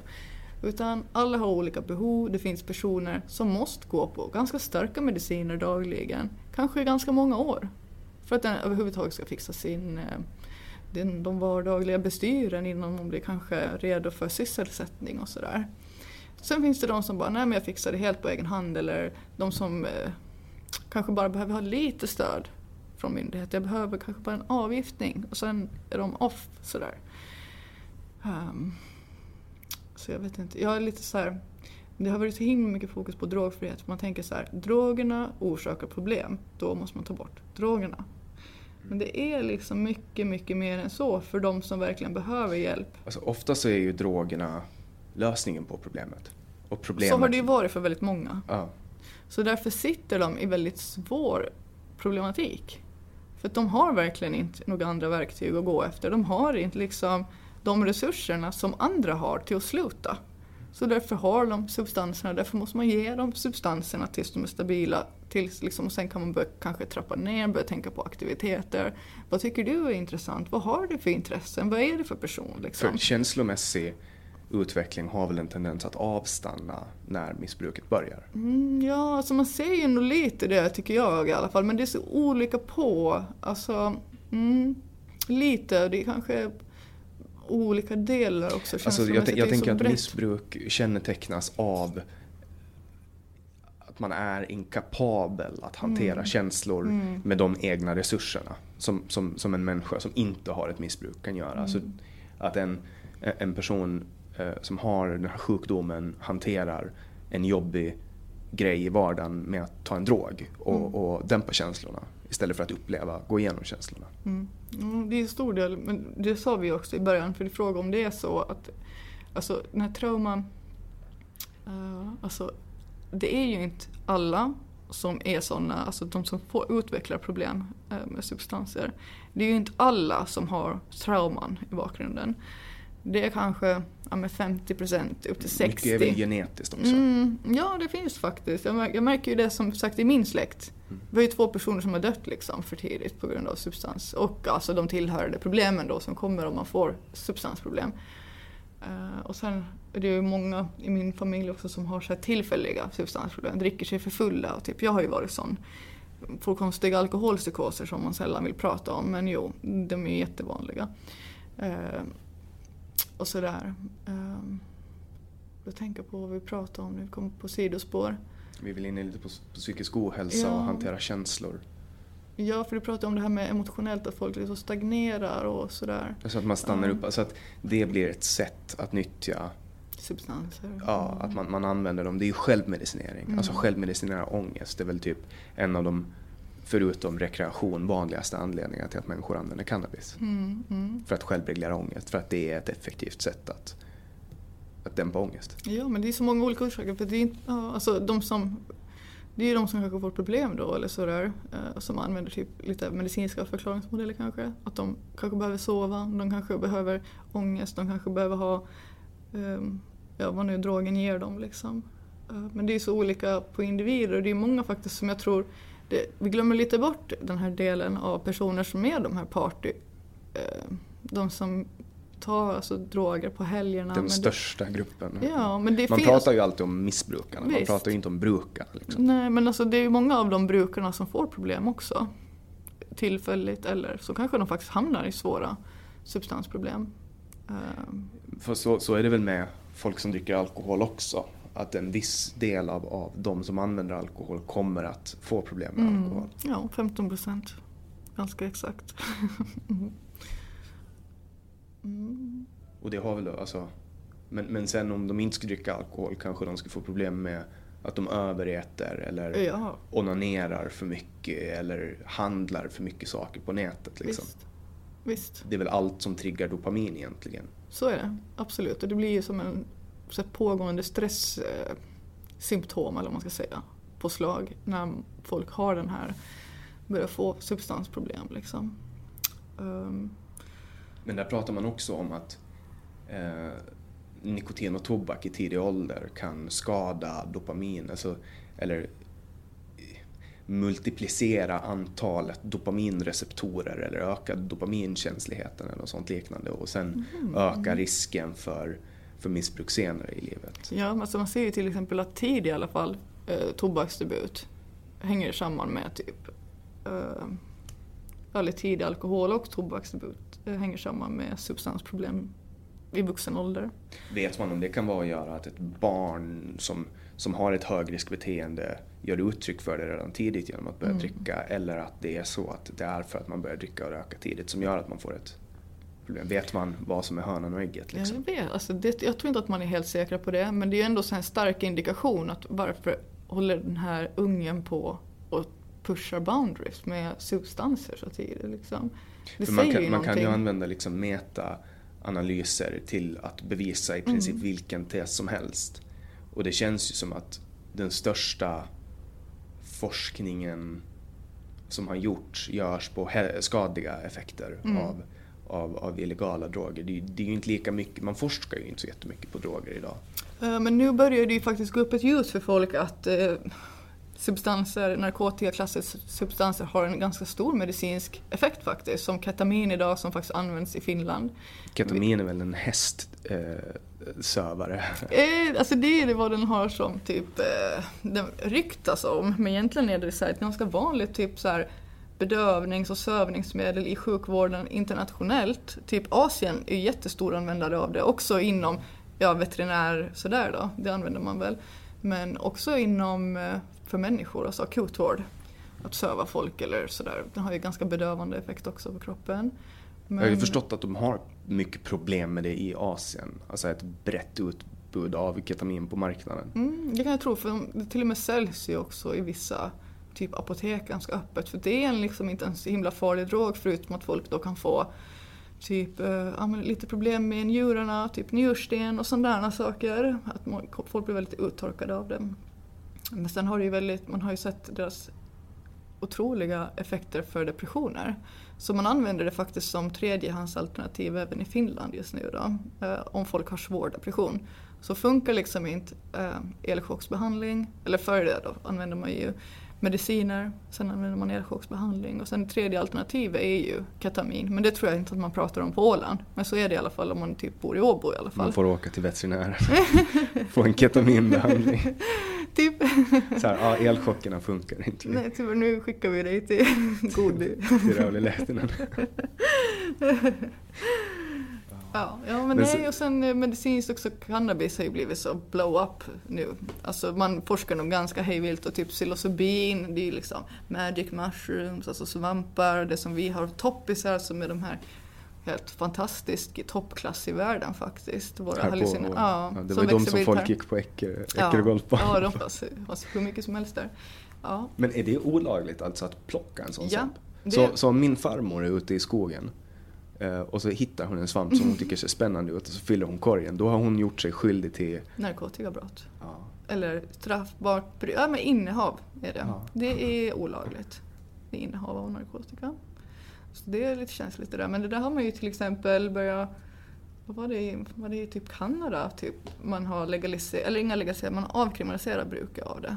Eh, Så det kommer också komma, för psilocybin är också en ganska sådär harmless drug. Alltså den har inte så mycket skadliga effekter så länge folk inte bara mådar i sig helt hutlösa mängder då att det blir en jätteobehaglig händelse. Men Alltså det man, har ju, man har ju hört historier om folk som har tagit svamp och sen fått jobbiga upplevelser. Mm. Men det brukar väl snarare kännetecknas av att folk inte använder det igen. Ja precis, Alltså, att det blir det är avskrämmande liksom. Ja. Mm. Alltså, det är väl sällan folk tar psykedeliska droger mot sin vilja och gång på gång försätter sig i skräck. Jättejobbig liksom. situation, nej nej nej precis. Alltså vissa spår är väldigt dåligt på det och det har ju mycket med känslotillstånd och vad, alltså hur settingen är och sådär. Och det kan ju folk, alltså de kanske är med fel människor eller att det är någonting som inte alls känns bra. Och det där bara växer då till ett stort mörkt moln då som äter upp dem nästan. Jag har ju hört folk som, alltså, och det här vet inte jag om är sant, Mm. eh, men folk säger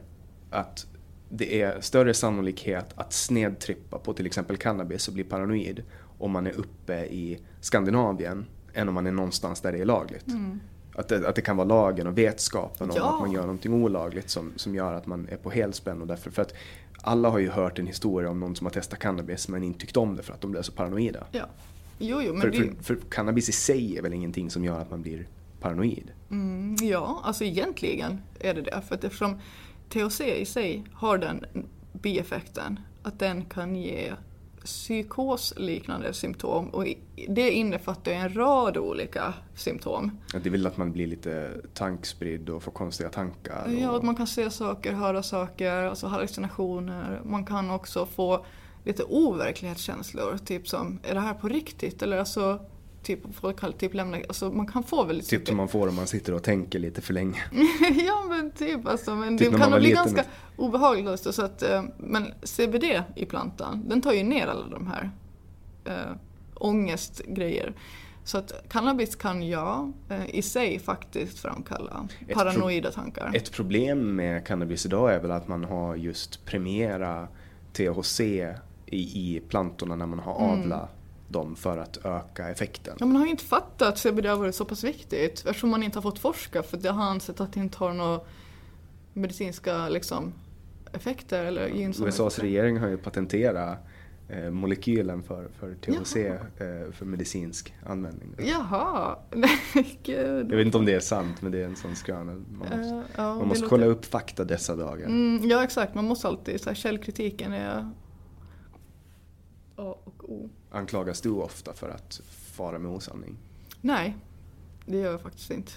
Uh, därför att jag kan ganska lätt eh, ta fram källor också. Sådär. Uh, så nej, alltså för det är det som jag upplever att folk ändå liksom uh, har respekt för. Att de alltså, för, alltså att folk respekterar mig därför att de märker att jag ändå är påläst om det jag säger. Att jag går inte och liksom, och om jag någon gång säger någonting som är osant eller som jag märker att bara, öh, alltså det här var nog typ en fördom jag hade eller någonting. Så då backar jag band och erkänner det. För det är ingen prestige för mig att tycka någonting. Det är liksom helt naturligt att man säger någonting som är lite off. För det är så vi är. Man säger någonting man har hört eller läst eller sådär så har det kanske inte stämt helt korrekt med verkligheten.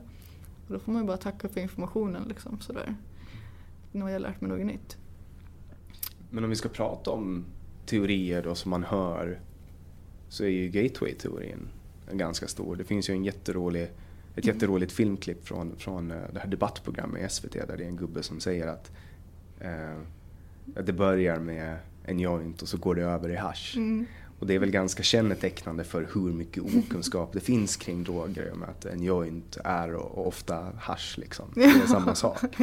Ehm, men gateway-teorin, alltså att man, man börjar med, med cannabis och sen går det liksom mot tyngre och tyngre droger. Mm. Den, den har väl motbevisats redan på 70-talet eller någonting sånt. Ja. ja, ja. Och, men ändå används den i sofistikerade debatter. Liksom. Mm. Ja, men för, alltså för det är... Alltså, man ska ju också tänka, man får ju liksom man får ju liksom eh, ha förståelse för den äldre generationen, att de inte har lärt sig så mycket om källkritik och sådär. För det märker man, det är ett generationshopp eh, på våra föräldrar. De har inte samma beteende som vi när vi sitter på internet. Jag sitter med liksom 25 eh, flikar uppe och sitter och bläddrar igenom om jag håller på att kolla på någonting. Eh, de har inte samma det här det kommer hela tiden nu grodor och sånt. Och, ja. Eh, Så jag, jag förstår att de lever kvar och det är så propaganda Beatrice också. Ask Ja. delade en, på Twitter en artikel att eh, ett antal personer har Har dött av överdos. Och, cannabis. Då, som var en satirartikel. Liksom. Mm. Det var en generationsgrej. Ja visst. Hon köpte det för att det överensstämde med vad hon trodde om cannabis, att det dödar folk då. Eh, Och det, man förstår, Och hon är minister liksom. mm. Ja men hon är ändå en minister på sin tid och Och en människa människa. som gör misstag. Jag vet, alltså visst, alltså jag förstår det ändå. Det är inte så svårt att liksom se att hon kopplar det. Att ja men det här måste vara sant. För att knark dödar liksom. Cannabis är knark. Ja, typ. Så jag förstår ändå. Och, och det är inte som att jag liksom ser ner på folk för att de inte har, alltså jag menar inte kan man ha kunskap. Jag har inte kunskap om allting liksom sådär. Jag råkar tycka att narkotikaområdet är väldigt intressant och intriguing och Och att knark är gott. Ja men framförallt det då. Nej, men alltså jag tycker det är så, ja, jag vet inte, jag tycker det är så himla intressant och jag har sagt så många gånger att eh, ja, jag träffar så fantastiska människor. Alltså när man har tagit Alltså, som, alltså sådär, när man har tagit droger eller folk som tar droger. Jag har fått så himla mycket intressanta möten. Eh, inte kommer... under liksom påverkan men alltså människor som tar droger som kanske inte gör så mycket så här, eh, som inte framhäver sig på något vis. Vad tror du att du kan få för konsekvenser av att öppet berätta att du har tagit droger i den här intervjun? Eller i det här samtalet? Ja, Jag tror faktiskt inte alltså, för det är ändå så här gamla uppgifter. Men eh, ja, kanske det är någon som bara ja, ja det var ju som jag alltid trott, hon varit en knarkare. Nej, men eh, inte tror att det ska ha eh, effekter. Jag menar, jag tror att folk ändå har... Du får ändå inte jobb. Nej, jag får inte jobba. Folk har ju ändå utgå från att jag har tagit droger så. Eh, och det är liksom vadå? Om, om jag aldrig skulle ha tagit en drog, hur ska jag då kunna få förtroende av människor som tar droger? Alltså, jag måste ju vara anhörig eller själv ha tagit droger för att jag ska ha haft någon relation. För varför skulle jag annars någonsin vilja liksom engagera mig i det här området? Alltså det, varför skulle man vilja ta sig an det på Åland om man inte har någon relation till det innan? Det, alltså det finns inte. Uh, inte på Åland. Ska jag bo i Stockholm kanske och bara liksom vara en socionomstuderande som aldrig har tagit droger, då absolut. Där kanske man kan jobba med det. Alltså av bara ren liksom, hjärta. Men här på Åland, alltså för de människorna som tar droger som är väldigt utsatta på Åland, de håller sig borta. De vill inte ens visa sig på stan. Så hur ska jag, en- alltså hur ska en person som aldrig tagit droger få kontakt med dem? Det är för, alltså, nej. Som om de bara skulle, jo men dig har jag förtroende för som aldrig har liksom haft någon sådär dust i livet. Bara nej, det funkar inte så. Ehm, nej. Jag menar jag var ju nästan lite så här. när jag ville starta brukarförening så kände jag nästan så här. jag har ju inte haft några direkta så här ordentliga omfattande drogproblem så folk kanske inte har respekt för mig eller sådär att jag verkligen kan företräda dem. Men folk har verkligen varit väldigt sådär öppna och varit såhär tack för att du ens bara lyfter frågan och försöker liksom för oss, att du bara lyssnar.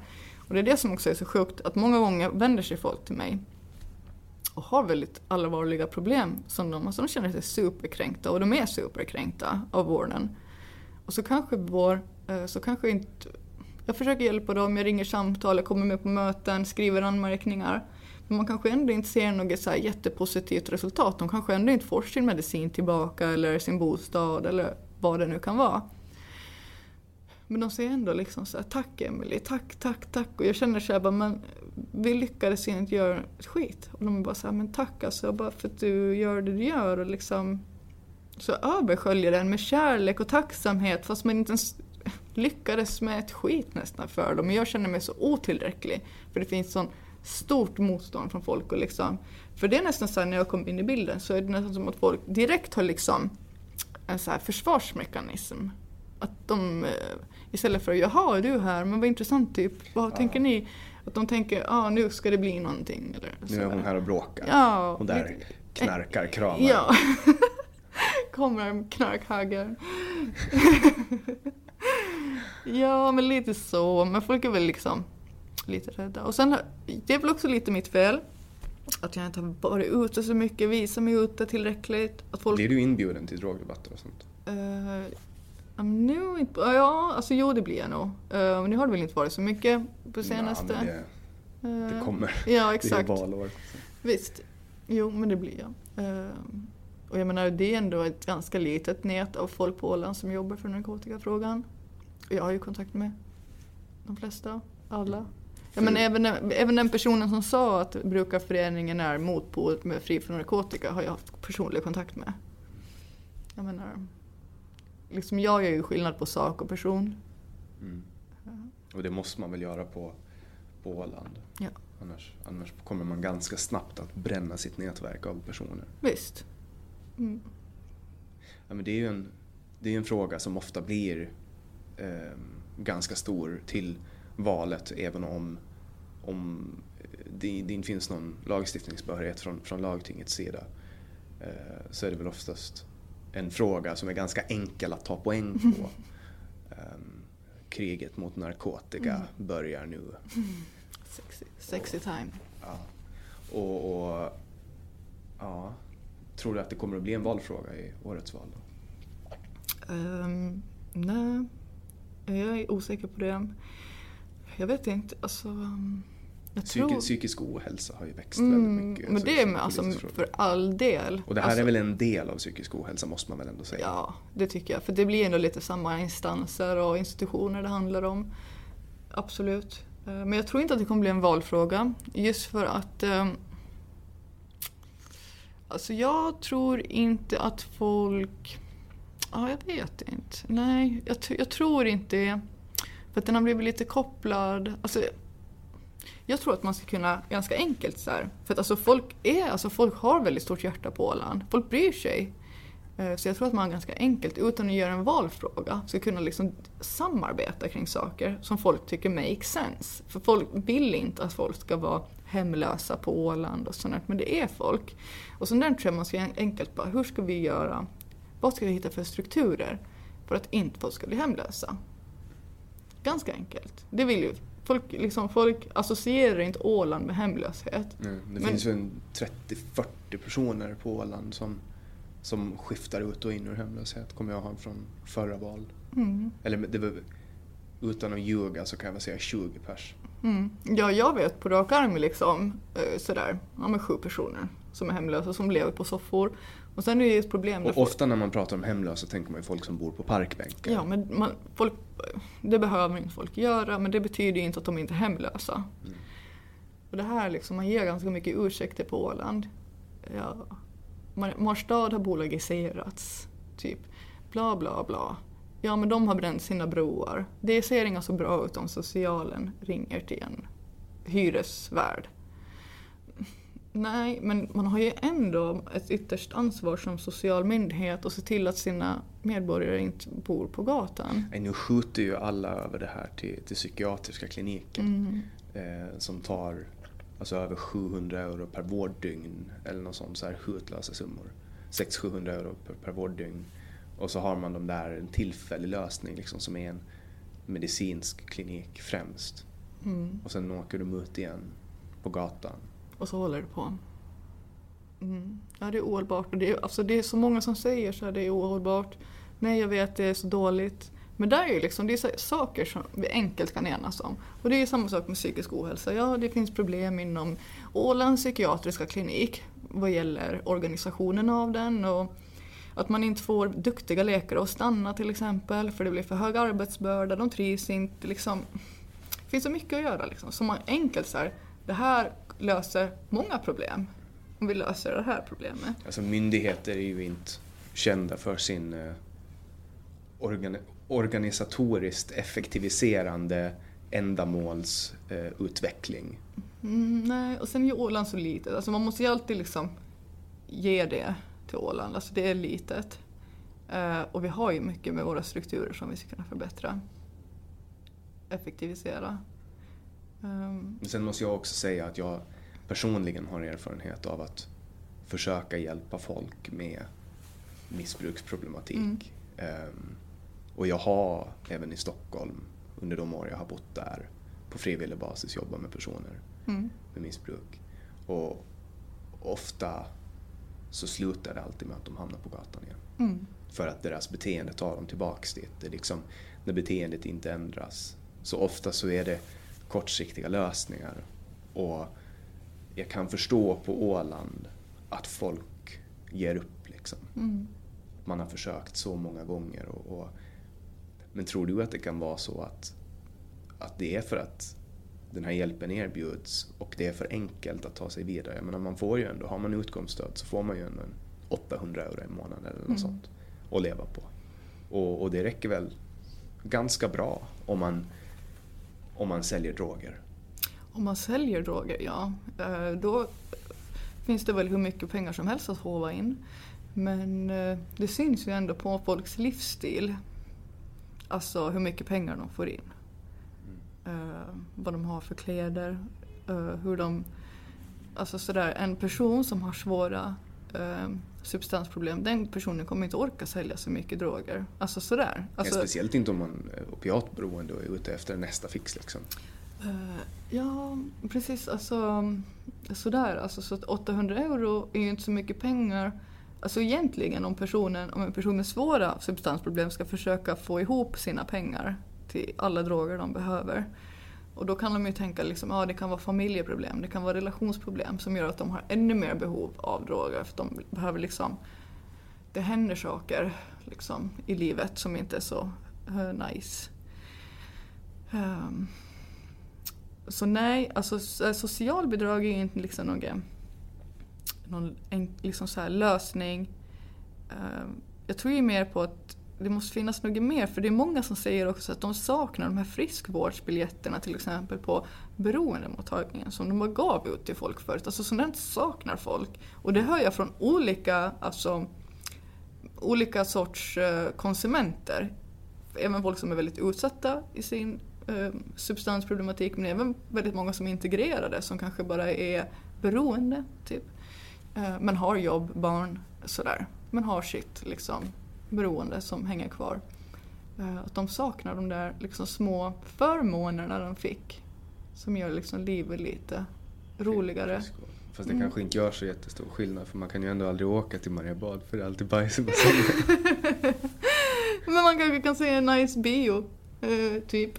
Eh, typ, alltså sådär. Alltså som, annars skulle de ju liksom, många skulle aldrig liksom ens tänka tanken bara nu ska jag fara typ till Avancio på ett träningspass. eller. Men det kanske de skulle göra om de skulle ha bara liksom det gratis. Eller sådär. Liksom, försöka hitta folks personliga intressen och sådär. Att de, men det kräver ju engagemang och att man liksom Har resurser att gå in på individnivå. Mm, men det har man på Åland. För alltså det, har jag, det har jag hört väldigt många som, alltså som har svåra problem. Som måste åka på avgiftningar som alltså när livet bara blir helt i kras på grund av substanserna. De säger det att på Åland, alltså de är verkligen nice alltså med att de betalar. För att i Sverige är allting privatiserat till exempel. Så där får man typ bara två veckors avgiftning, sen, är det, ja, sen måste du klara det själv. Men här på Åland så ger man faktiskt behandlingshem och det finns möjlighet. Eh, Så det är bra, det är Men positivt. inga halvvägshem finns på Åland? Vad sa du, halvvägshem? Inga, inga halvvägshem? Eh, nej, det finns väl inte så mycket platser så utan det är ju att man köper dem någon annanstans och sen ska man ju erbjuda vård på svenska. Men sen är väl ett, ett stort problem som jag har hört när det kommer till behandlingshem eh, utanför Åland är att man tar sig till behandlingshemmet och från behandlingshemmet med båt. Mm. Och eh, färjorna bygger sin affärsmodell på att sälja lagliga droger. Mm. Och att det är många som faller tillbaks när de ska sitta, kanske åka från Helsingfors eller Åbo. Mhm. Det tar ju ganska många timmar att sitta på en sån båt. Ja, men det kan nog stämma. För det är också så här, det är typ första kanske tillfälle en person exponeras för alkohol och båtarnas alkoholkultur är ju ganska snuskig på... Eller snuskig ska jag väl inte Ja, säga. den är ju inte måttlig. Nej. det är väl inte det ordet du söker. Ja, precis. Mm. Ja. ja, det var intressant. Det har jag inte tänkt på. Men du träffar ju också lite andra sorts... eh, jag är ju så himla inne i det här med narkotikakonsumenter. Och det är faktiskt ganska många som tar avstånd från alkohol. Som jag känner. Eh, som inte... Alkohol är väl en, alltså, om, om man tar av alla de droger som finns på spektrat så är väl alkohol en av de mer förödande. Mm. Eh, alltså rent kroppsligt, Ja, mentalt och mentalt. samhällskonsekvenser, misshandel, Mm, så, alla, alltså absolut. Sen cigaretterna har ju sina dåliga hälsoeffekter men alkohol kostar ju det- mycket. Det är olyckor och allting liksom. Eh, Ja, och sen det här totala, att människor tappar ju omdömet totalt. Av, Mm. det, är ju en, det är ju en bieffekt av alkoholen. Liksom. Mm. Alltså, den Eh. kan få ministrar att visa snoppen och den kan få liksom... Folk gör ju helt galna saker. Ja, och det där tycker jag är så intressant för det pratar man så alltså man säger alltid så här, cannabis och psykos, cannabis ger psykos. Men alkohol ger faktiskt dubbelt så fler psykoser, alltså i befolkning. Det är 2% av arbetsföra männen får alkoholpsykoser och 30% av dem får alkoholpsykoser igen. Och det ser man ju, vissa personer får ju de här psykoserna, alltså de bara blir helt tokiga, blir supersvartsjuka, slår folk. Det är psykoser. Men det, man kallar det inte för psykoser, man kallar det för dåligt ölsinne. Ja. Och det är någonting som jag tycker folk ska borde... För psykoser ser så himla olika ut beroende på vad det är för substans de tar. Ja. Och jag tycker man borde börja tänka på det där är faktiskt någonting mm, man borde börja nämna som psykoser. Att det är problem. Det är inte bara, ja men hon, ja, visst alltså klart att personen bara ska sova rusa av sig men att man börjar reflektera över att alkoholen ger dem, ja visst. Det de- knäppte till i skallen och sen blev det... Man pratar ju mycket om mäns våld mot kvinnor till Mm. exempel. Eh, och, och sånt. Och det är ju kanske att man, man ger det fel etikett. Mm. Ja precis, att man säger bara liksom dåligt ölsinne, han ska bara dricka lite mindre eller bla bla. Men det är liksom, för med cannabis så är man så himla rädd för psykoser. Ja. Men det är ju dubbelt större chans att få psykos på alkohol, men inte vi är rädda för alkoholpsykoser. Och sam, Mm. samtidigt känner ju alla någon som har flippat ut. Alla har ju den där kompisen som blir Mm. för full Ja, fest. jag har ju varit alltså sån person, för jag har väldigt hög tolerans för alkohol. Jag somnar inte av alkohol. Istället får jag liksom, det svartnar. Mitt minne blir bara som en svart lucka. Och då beter jag mig helt, alltså som en psykopat nästan. helt superobehagligt att se hur liksom all empati bara försvinner. Det, nej, och det var så konstigt under liksom, jag var ganska ung, alltså typ där vid gymnasieåldern, så drack jag ganska, eller gymnasie, ja, ja något sånt, kanske lite tidigare till och med. Ehm, och då hade jag väldigt mycket, alltså det kunde gå ganska snabbt innan jag fick så att det svartna och vart väldigt um, råddigt och sådär. Och det har jag sett på folk, att det finns vissa personer som Alltså de har ganska låg tröskel innan de får en sån där typ alkoholpsykos och bara helt försvinner och blir helt knäpp och säger jättesjuka saker och jätteprovocerande och väldigt farlig typ. Mm, Snedtändning är väl Ja. en synonym också. exakt. Med det så vill jag tacka för att du kom hit och pratade med oss. Ehm, hoppas på att vi får ses igen här i podden någon gång i framtiden. Ni hittar alla våra avsnitt på www.samtal.ax. Vi släpper nya avsnitt varje onsdag. Producent för det här avsnittet var Didrik Svan. Jag heter Jannik Svensson och du har lyssnat på Säg vad du vill Åland. Det här avsnittet presenteras av Webax, hemsidor och innehåll. Webax hittar du på www.web.ax, webb med två b.